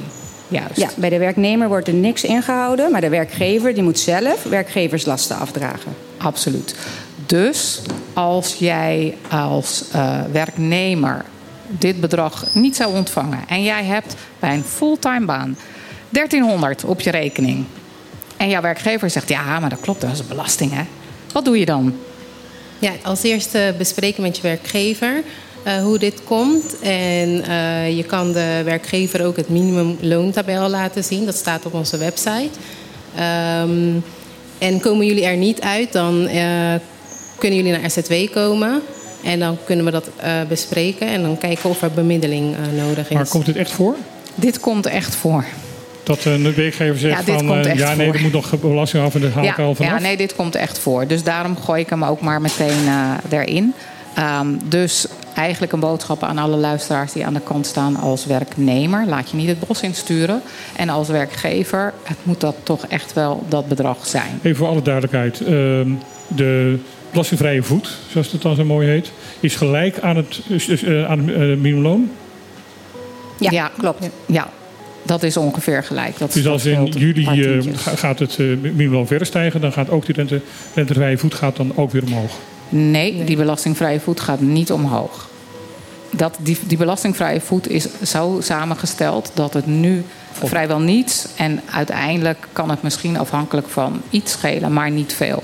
Dus op het moment dat jij inderdaad die 1300 hebt, dan moeten allerlei alarmbellen gaan rinkelen. Op het moment dat jij 1530 hebt, dan moet je samen sowieso in gesprek. Dat moet je altijd. En dan zou je inderdaad gaan nadenken van wat er aan de hand is. Mm -hmm. Uh, Oké, ja. Nee, uh, dat is nu. Maar straks dat is in, nu. In, in, juli? Straks in juli gaan we, krijgt, krijgt iedereen een stapje erbij als het goed is. En wat wordt het dan, Michelle? Want jij hebt je tabel ja. voor je. Dus jij weet het precies. Die wordt dan uh, 1750. Oké. Okay. En dan, je kunt in theorie gaan in de um, details. Maar dat is van, voor iemand van 24, 21 jaar en ouder. Ja. Sorry. Dus er is een tabel hoe jonger, net iets minder. Maar we gaan uit van volwassenen. En op fulltime basis. 40 uur per week, ja. Op een 40-urige week. Ja. Helder. Maar dan blijft het ook netto is bruto? Dan zal het mogelijk, zoals ik heb uitgerekend, iets schelen, maar niet heel veel. Dus als jij minder hebt dan 1600, dan ga je aan de bel trekken. En daarboven ga je met elkaar in gesprek en zou je het sowieso na moeten rekenen. Die heb ik nog niet nagerekend. Zeg ik heel eerlijk. Maar het kan niet veel schelen. Heb, het klopt. Ik heb begrepen het dat, is bijna één op één. Ik heb bijna. begrepen dat, uh, dat er een motie geweest is in de, in de Tweede Kamer, nog voor, uh, voor de verkiezingen. Dat uh, vanaf 1 juli de rentevrije voet ook naar 1750 gaat. Ja, dat zou kunnen. Dat zou kunnen. Ik weet dat het bijna één op één is. Hm. Um, maar dat is een hele belangrijke om te weten. Dat minimumloon. Uh, even een, een, een ander. Op het moment dat je ziek wordt. Uh, dan hebben we het over een 80% van. En daar heb ik ook heel veel uh, indianenverhalen en enzovoort. Wanneer krijg je het nou wel, wanneer krijg je het niet? Jalisa gaat er lachen, want er zijn inderdaad heel veel vragen en dingen over. Kun je daar wat over vertellen? Ja, um, op het moment dat iemand ziek wordt, want we hebben drie gevallen voor de loonderving. Dat is dan uh, bij ziekte, bij ongeval of bij zwangerschap. Dan hebben we het over de uh, loondervinguitkering. Bij ziekte dan uh, wordt uh, vanuit de SZW kan de werkgever dan een uitkering krijgen van 80% van het dagloon. Bij um, ongeval is dit 100%. Dus de volledige dagloon wordt dan uitgekeerd tot het maximum dagloon die wij hebben. En bij zwangerschap uh, keren wij ook 100% uit. Dus een werkgever dient ook volledig door te betalen, zoals dat uh, in een contract staat. En bij ziekte kan dat minimaal dan de 80% zijn. Helder. En wat moet een werkgever daarvoor doen? De werkgever kan bij de eerste uh, ziektedag melden in ons portaal, dus op Mijn CN. En uh, bij de melding um, nemen wij dan vanuit SZW, dus zeker de um, controlerende geneesheer, neemt dan contact op uh, met de werknemer. Oké, en die gaat bellen, want dat gaat tegenwoordig uh, heel hip. Uh, appjes en telefoon, super. Dat is volgens mij een mooi voortvloeisel uit hoe het ook is gegaan tijdens onze corona. heel blij, dat is gewoon dan in stand gehouden. Um, en die controlerend geneesheer die zal inderdaad het gesprek aangaan. En die gaat vragen van, joh, waarom ga je niet werken? Wat is er aan de hand? Et cetera. En eigenlijk is de controlerend geneesheer dan degene die um, ja, jou ziek meldt. Of inderdaad zegt, nee, dit, dit kan echt niet. Ik verwacht ook dat je nog wel morgen overmorgen ziek bent. Of dat hij zegt van, nou, als ik dit zo hoor... denk ik dat je toch best wel aan het werk kan, gelet op wat je doet. Klopt dat? Eventueel gedeeltelijk. Of eventueel gedeeltelijk. Dat gebeurt hier niet heel veel. Nee, uh, nee dat is nog niet echt... Uh, en daar ligt ook nog geen uh, beloning achter van salaris. Dat vinden mensen vaak ook heel erg ingewikkeld. Dus het is helaas tot nu toe nog vaak alles of niets. En dan kijk ik even naar de overkant. Want er wordt wel ingezet op wel weer zeg maar aan het werk. Maar dan noemen ze dat meestal op arbeidstherapeutische sta- mm-hmm. redenen. Dus ga vooral even naar je werk, want het is goed voor je. En anders ben je er te lang uit. En uh, je weet hoe juist, reïntegratie. Maar dat houdt niks uh, in voor je salaris. Kijk ik naar de overkant, want ik uh, ja. klopt hè, ja, wat ik allemaal zeg. Dus de controlerende geneesheer die houdt zich bezig met het medisch gedeelte. En de afdeling loonderving die bepaalt dan uh, of een uitkering uitgekeerd uh, gaat worden. Helder. Krijgen jullie nou in verband met uh, de verhoging van het minimumloon nou veel vragen ook nog vanuit de, de werkgevers? Nee, tot nu toe hebben we uh, geen vragen gekregen. Ook geen uh, meldingen van werknemers. Dus uh, dat is dan alleen maar goed. Ja, nou ja, als dat inderdaad zo is, omdat iedereen netjes uitbetaald krijgt, is het goed. Ja. En is dat omdat mensen niet durven of jullie niet weten te vinden, is dat minder goed. En dat laatste, vooral het niet durven, uh, komt best wel vaak bij ons en of bij mij. Um, ik doe ook wel wat dingen bij de voedselbank. En ook daar spreken we mensen. Want uh, in tegenstelling wat uh, veel mensen denken, bij de voedselbank zijn heel veel mensen die ontzettend hard werken. 1, 2, 3, 4 banen, maar het gewoon toch niet redden. En daar krijgen we inderdaad van allerlei verhalen te horen over het niet willen uitbetalen. het niet willen uitbetalen van ziekengeld. Um, dus vandaar denk mm-hmm. ik dat en ook wel van ja, ik, ik durf dat maar niet te zeggen, want eh, dan word ik ontslagen. Dus dat is inderdaad ook dat ik denk van ja, weet je, ehm, niet weten te vinden of niet durven. Dat is een verschil. Ehm, er kwam nog iets op mijn pad. Daar had ik al gedeeld. En dat was eigenlijk voor mij de aanleiding om contact te zoeken met jullie. Wat wij hoorden eh, en wat ik persoonlijk ook regelmatig heb gehoord in eh, aanloop naar, het, naar de verhoging van het minimumloon. Is dat er allerlei deeltjes worden gemaakt. Zo van weet je wat, ehm, we gaan jou een nieuwe arbeidsovereenkomst aanbieden. Nul uren. En dan krijg je 250 eh, dollar erbij. En die 250 dollar erbij was natuurlijk op het oude salaris, waarvan je hoopt dat dat dan het minimumloon was. Ehm, lijkt mij niet de bedoeling. Nee, dit klopt.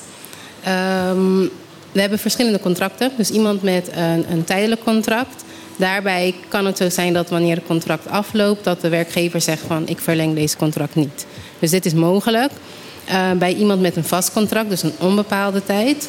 Uh, daarbij uh, is het niet ehm, verstandig om eh, dit te ondertekenen als de werkgever zegt van ik geef je een paar centjes erbij en dan eh, schakelen we het om naar een oproepcontract. Dus als dit gebeurt, dan willen we vragen dat de werknemer zich bij ons meldt. En dan kunnen we met de contracten en de salarisslip kijken en dan advies daarop geven. Ja, nou, ik ben heel blij met, uh, met je oproep en jullie uitnodiging. Dus ik hoop dat veel mensen dit ook gaan, uh, gaan doen. En ook aan de luisteraars. En ik weet ook dat er werkgevers luisteren naar dit programma. Dus ook voor hen misschien goed te weten dat voor jullie wat dat betreft die deur open staat aan, aan de medewerkers. Zeker, maar ook voor de werkgevers. Juist. Want SZ2 is er voor de werknemers, maar ook voor de werkgevers. Dus we zijn er om informatie te geven. We zijn voor de bemiddeling. En um, het hoeft niet allemaal eerst vast te lopen om bij ons aan te kloppen. Het kan ook daarvoor. Gebeurt het vaak dat werkgevers bij jullie aankloppen van... hé, hey, um, ik snap het niet, leg eens uit of ja, probleem? Ja, zeker. We hebben ook werkgevers die komen echt voor informatie van... ik wil dit en dit gaan uh, doen binnen mijn organisatie, kan dat? En uh, dat helpt alleen. Want dat zorgt dan dat wij ook niet hoeven te bemiddelen wanneer werknemers bij ons aankloppen van hé, hey, dit is gebeurd binnen mijn organisatie. Dan weten we al wat er speelt. En dan uh, kunnen we de werknemers dan ook beter informeren. Er is heel veel onzekerheid bij werkgevers over de, de verhoging van het minimumloon. Omdat het een behoorlijke stap is. En als je een bedrijf hebt waar veel laag betaald zitten, dan gaat dat behoorlijk veel voor je uitmaken als, als, als werkgever. Um, uh, kunnen die, ook, uh, die werkgevers ook nog bij jullie komen van jongens, wat voor gevolgen heeft dit nou voor ons? Gevolgen als in. Nou ja, uh, er, er, wordt gezegd van de gevolgen voor het, het, het, verhogen van het minimumloon heeft voor alle werkgevers een, een andere invulling. Omdat heeft met die samenstelling van je, van je, van je, van je, je, werk, je werknemers te maken, welke loonschalen ze zitten. En het is eigenlijk per werkgever in feite anders de, de, wat nou precies de gevolgen daarvan zijn. Nee, precies. Um, de Kamer van Koophandel heeft daar een uh, mooie rekentool voor uh, ontwikkeld. Die hebben natuurlijk ook met ons overlegd -hmm. over de verhoging. En bij hun website kan je dus precies invullen wat je medewerkers nu verdienen. Staat op hun website? Ja, staat op hun website. En daar kun je echt precies zien wat de financiële gevolgen zijn. En als je dan inderdaad bepaalt, ik kom er niet uit, ik moet andere stappen nemen... ja, dan kunnen ze bij ons komen om te kijken wat voor personele gevolgen dit zou kunnen hebben. Oké. Okay. Zou het kunnen betekenen, geen idee hoor. Ik weet helemaal niet hoe jullie daarover denken. Maar zou het kunnen gebeuren dat er um, ondernemers, werkgevers zijn die zeggen van nou, ik moet op een gegeven moment ontslag gaan aanvragen voor mensen. Want door de verhoging uh, kan ik het niet meer betalen? Ja, zou dat... dat kan gebeuren inderdaad. Ja. Oké, en als dan zoiets bij jullie binnenkomt, uh, want daar zijn ook stappen voor. Je kunt niet zomaar zeggen van nou, morgen maar niet meer. Uh, kun je daar iets over zeggen? Hoe gaat dat in zijn werk? Ja, de procedure voor uh, ontslagvergunning aanvragen is dat de werkgever... we hebben een formulier, die uh, dient dan ingevuld te worden...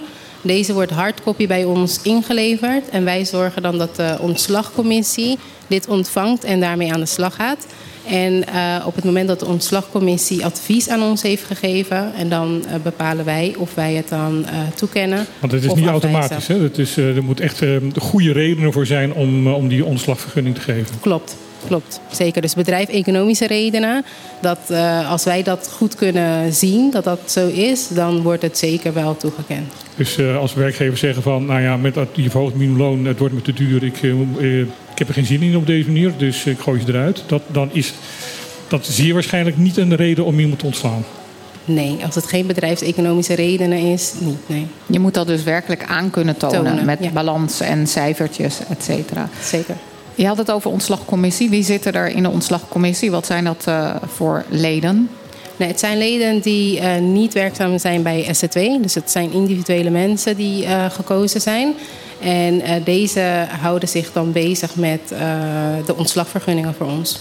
En het, ze zitten er meer om ons dan advies te geven. Oké, dus het is echt ook per case, individueel wordt er gekeken. ehm, van oké, eh, dit zijn de criteria en nou ja, daar voldoel je aan om ontslag ja, te verlenen. Jullie, ja. Oké. Klopt, klopt. Wat als iemand ontslagen wordt door eh, hè, op deze correcte wijze. eh, raar eigenlijk, hè? je wordt ontslagen op correcte wijze. Nee, maar goed, dat kan. Oké. Eh, zo'n, ja, het gaat niet meer. Ehm, een klein schoonmaakbedrijf, even heel cliché. loon gaat omhoog. Dat wil je doorbreken aan je klanten. Klanten zeggen ja, doei. Ik heb nog wel ergens een secretaresse die ook wel met de dweil één keer in de week er doorheen kan. Even, zo vreemd is dat Of niet. Of ja, ja, ook dat. Ehm, en dan, wat, wat, wat houdt dat in voor een werknemer? Waar kan hij zeg maar in elk geval een beetje op rekenen? Ja, bij ehm, ont- ontslag, dus als een ontslagvergunning wordt toegekend, dan moet de werkgever dan gaan kijken hoeveel jaren werkt deze werknemer al in mijn bedrijf. En dan eh, moeten deze jaren ook uitbetaald gaan worden. Dus dat is dan een eenmalige uitkering, wat wij hier op de eilanden nog Cesantia noemen. Dus wij hebben nog Cesantia. En dan moet de werkgever Cesantia gaan uitbetalen aan de werknemer. Uiteraard ook met de vakantiedagen die nog niet zijn opgenomen. Ehm, en alle andere, afhankelijk van wat er in het contract staat. Oké, dus het is niet zo van nou doei en eh, u kunt wel gaan. Nee, nee, zeker niet. En op het moment dat zo'n werkgever een ontslagvergunning eh, aanvraagt bij jullie en de tijd dat, eh, dat die, eh, de tijd die genomen wordt eh, en ook heel goed genomen wordt om daar kritisch naar te kijken, die weken of maanden, wat mag en of wat moet een werkgever dan? De werkgever dient eh, door te betalen tot op het moment dat wij de beschikking overhandigen.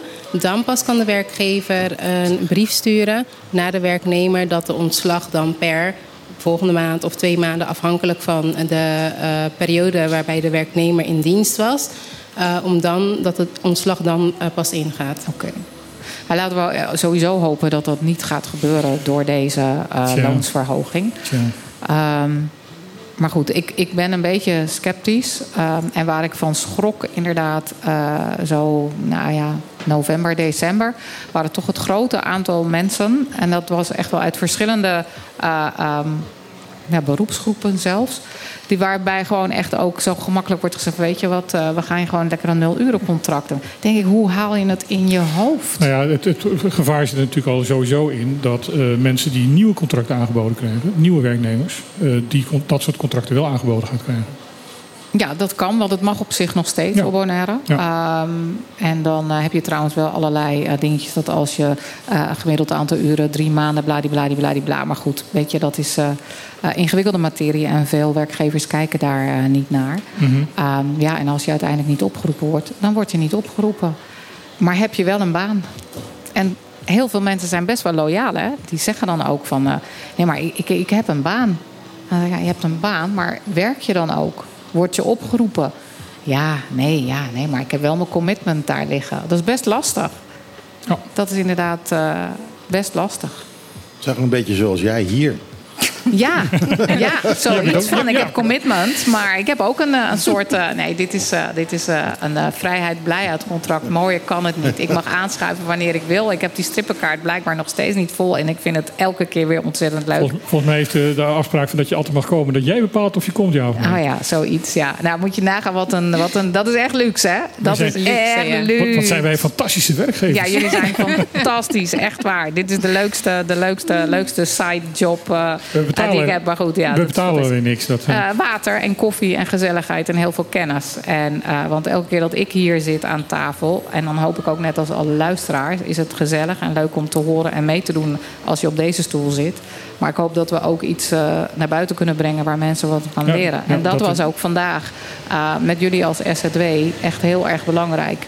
Ehm, het naar jullie gaan, hoe kan dat? Kunnen jullie dat nog een keer vertellen?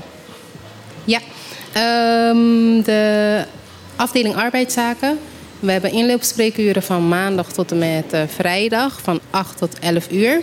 Verder kan er ook contact opgenomen worden via de e-mailadres. Dat is arbeidszaken.rijksdienstcn.com. En verder eh, kan iedereen ook op onze website. Dat is dan www.rijksdienstcn.com onder de sectie Sociale Zaken en Werkgelegenheid. En daar kunnen ze ook alle informatie vinden over eh, wa- wat wij doen. Want wij doen niet alleen arbeidszaken, maar we hebben ook verschillende andere afdelingen. En ehm, verder kan er ook gebeld worden naar 715 8888. Dus 715 4 keer 8. Top, helder. Ontzettend fijn dat jullie even je vrije zaterdag eh, hiervoor hebben opgeofferd. En eh, voor alle informatie bedankt. En eh, succes met alle, ja, met alles in goede banen leiden. Ja, dank aan jullie ook. Ja, zware tijden voor jullie. Het is, eh, het is hard werk. Ehm, maar ik ben blij dat jullie er zijn. Dankjewel. Dankjewel dat je er was. En eh, nou ja, eh, wellicht eh, zometeen bij de volgende verhoging weer even langskomen om te vertellen hoe het gegaan is, of niet? Ja, ja zeker. Oké. Tot dan. Eh, ik heb ondertussen heb ik hier een plaatje dat net in de Nederlandse top 40 is gekomen. Hannah May met Waterdicht. Laat het maar merken, dan maar niet de sterkste, dan maar niet de sterkste. Breekbare meisjes. Eh Hannah May met Waterdicht. Eh, ik, vind, eh, ik vind het mooi. Andere twee eh, hits uit de Nederlandse top 40 momenteel zijn eh, Fleming, Zoe Tauran en Ronnie Flex. Nou, dan heb je al een idee van wat voor eh, muziek dat is. En, Ja, ja. en, en alweer een nieuwe single van Chesto. En dan heb je ook wel een idee wat voor single dat is. Dus ik heb besloten die eh, niet te draaien. Misschien zometeen eh, als we echt eh, de boel hebben afgerond. En dat gaat niet lang meer duren. eh, dat ik er dan één van die twee kies. Maar ik weet nog niet welke. Dus ik ben nog aan het twijfelen. Heel goed. Dat je, dat je twijfelt. Ja. Blijf vooral twijfelen. Zal ik Blijf vooral twijfelen. kan ook gewoon iets anders draaien. Hoe? Ja, doe maar. Ehm, ondertussen eh, is het eh, bijna afgelopen. Hè? De eindtune is alweer begonnen. Dus dat is. eh, dus Ja, we wat hebben nog een paar we- minuten. We hebben nog een paar minuten. Wat hebben we een goede aflevering eh, gehad. Ja, vind ik. zeker. Ja, zeker, heel veel interessant. eh, Heel veel info eh, en alles. mijn schoonvader heeft vandaag geluisterd. Mhm. En eh, ehm, mijn vrouw die stuurt me net eh, eh, dat, een berichtje dat, eh, dat, hij, dat hij ook de hele tijd zei, zat te luisteren en zei: Goeie aflevering, goede aflevering. Dus daar ben ik heel blij om. Dankjewel, eh schoonpapa. Ehm, ja, dit was het eigenlijk, hè? Dan. Nou, we hebben nog een paar minuutjes. Is nog iets, is Ja, er je kan iets, nog- iets van je nieuws wat we willen, eh, waarvan denken we, nou... Iets van die lijst die ik voor niks heb ja, gemaakt. er is een enorme lijst. eh, eh, maar een heleboel van die dingen denken we... nou, is het nou zo belangrijk? eh, Lakengate met Clark, moeten we daar nou weer over hebben? Eh, Greenpeace hebben we het over gehad. Er was weer een blackout. Nou ja, dat is de volgende week ongetwijfeld weer. Ehm Onkebon natuurlijk weer pleit voor gezamenlijke actie... ter voorkoming van prijsstijgingen. Dat was nieuws. Ehm, een nieuwe impuls voor het omstreden project Sunset Beach Resort Bonaire. Is dat misschien nog iets eh, belangrijks? Hij staat hier ook tussen aanhalingstekens. Dus dat vond ik heel erg mooi. Je hebt het geschreven tussen aanhalingstekens, Ja, het, Martijn. was, het was de kop.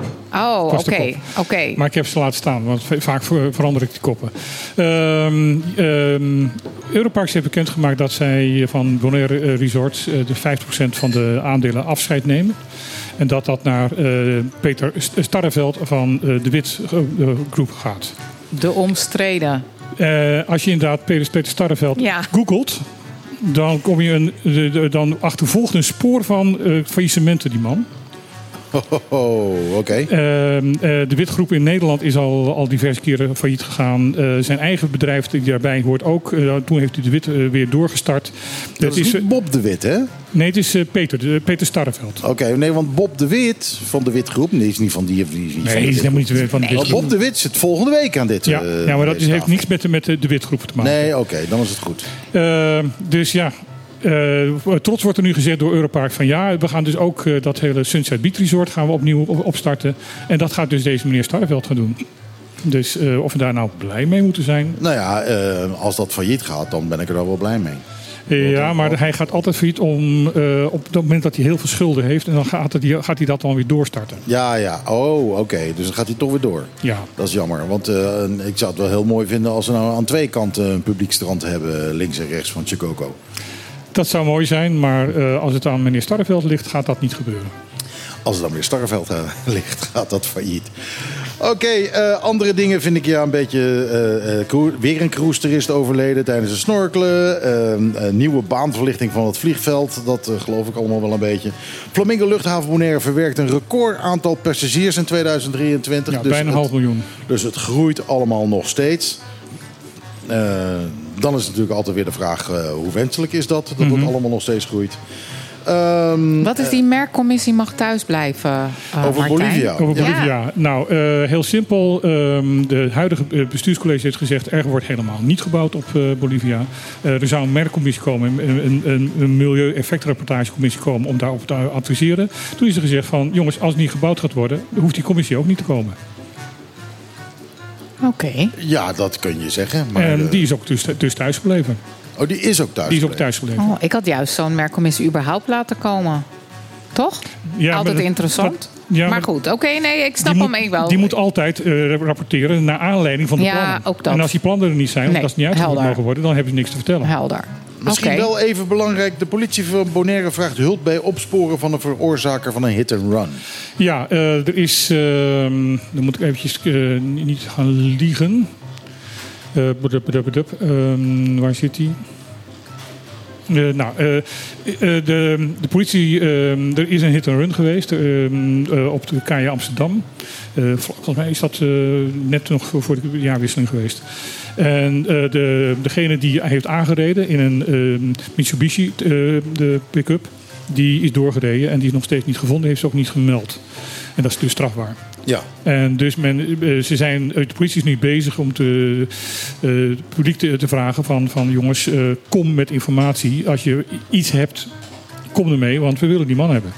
Ja. Is het op een stukje gebeurd waar camerabeelden zijn? Nee. Is het op, oh, Nee. jammer. Nee. Want Nee, veel huizen hebben camera's daar op dat stuk. Maar ja, hmm, anders hadden ze het wel, hè? Ja. Natuurlijk. Dan was Helder. dat niet nodig. nee. En dit was het, denk ik. Ja, dit was het. Dit was op de klippen van deze week. Eh, volgende week zijn we natuurlijk weer. Eh, zometeen hoor je eh Ron Gijzen, hopelijk. Met, eh, Ik zou het niet weten. Ja, ik weet het eigenlijk ook niet. Misschien hoor je zometeen Ron Gijzen met een klaap tot 20. Misschien ook niet. Je weet het niet. Wij zijn er in ieder elk geval eh, volgende week weer. Eh, van 12 tot 2. Al hier op Megahit FM 101.1. Ehm, volgende week hebben we Bob de Wit. Ehm, eh, Google hem als je eh, niet weet wie het is. Een, ja, hoe zou jij hem omschrijven? Kunnen we omschrijven? Eh, ja, eh, Hij, hij is hoogleraar bij Nijenrode. En, eh, zo, zo iemand heet een motivator, geloof ik. Hè? hij is een eh, motivator. Ehm, wij zijn een klein beetje sceptisch, maar dat gaan we, eh, we gaan zien hoe we daar volgende week mee omgaan. Ik ben, ik ben heel benieuwd wat het wordt. Verder volgende week eh, Fred Ros met zijn eh, eh, grote eh, tonijn, die uiteindelijk moet gaan zwemmen. ja. Een stalen tonijn heeft hij. Die staat momenteel in eh, Van der Tweel. Er zijn allerlei eh, eh, quizjes en dingetjes, acties omheen. Dus ga even naar het Van der Tweel naar het ding kijken. En dan weet je volgende week waar we het over hebben. En eh, dat is het denk ik even voor nu. Eh, eh, ik wil ook graag, want we hadden deze week geen tijd voor volgende week spreken met de Blue Defenders. Gaan even kijken of we dat voor elkaar Ja. kunnen krijgen. En dan, dat is eigenlijk alles wat ik kan vertellen over volgende week. Maar dat is dus 12 van 2. Pas volgende week. Voor nu eindigen we met een... Oh ja, en uh, hoe heet die? Hm? Eh, Eindigen we niet? Lockhart. ja, die komt ook langs. Oh, ja, nou ja, goed. Nu alweer een volle show. Ja. Weet je dat? Eh, wij eindigen nu snel met een vriendelijk eh ajootje. Cadeautje? Cadeautje. Cadeautje. Dat is- Oké, dat, is- dat is Die niet is goed niet leuk. We Die moet even. Wij eindigen nu snel met een zeer vriendelijk gemeend ajootje cadeautje. Cadeautje. Tot volgende week. Iedere zaterdag tussen 12 en 2. Live met Michiel en Martijn. Wat een feest! Dit is op de klippen.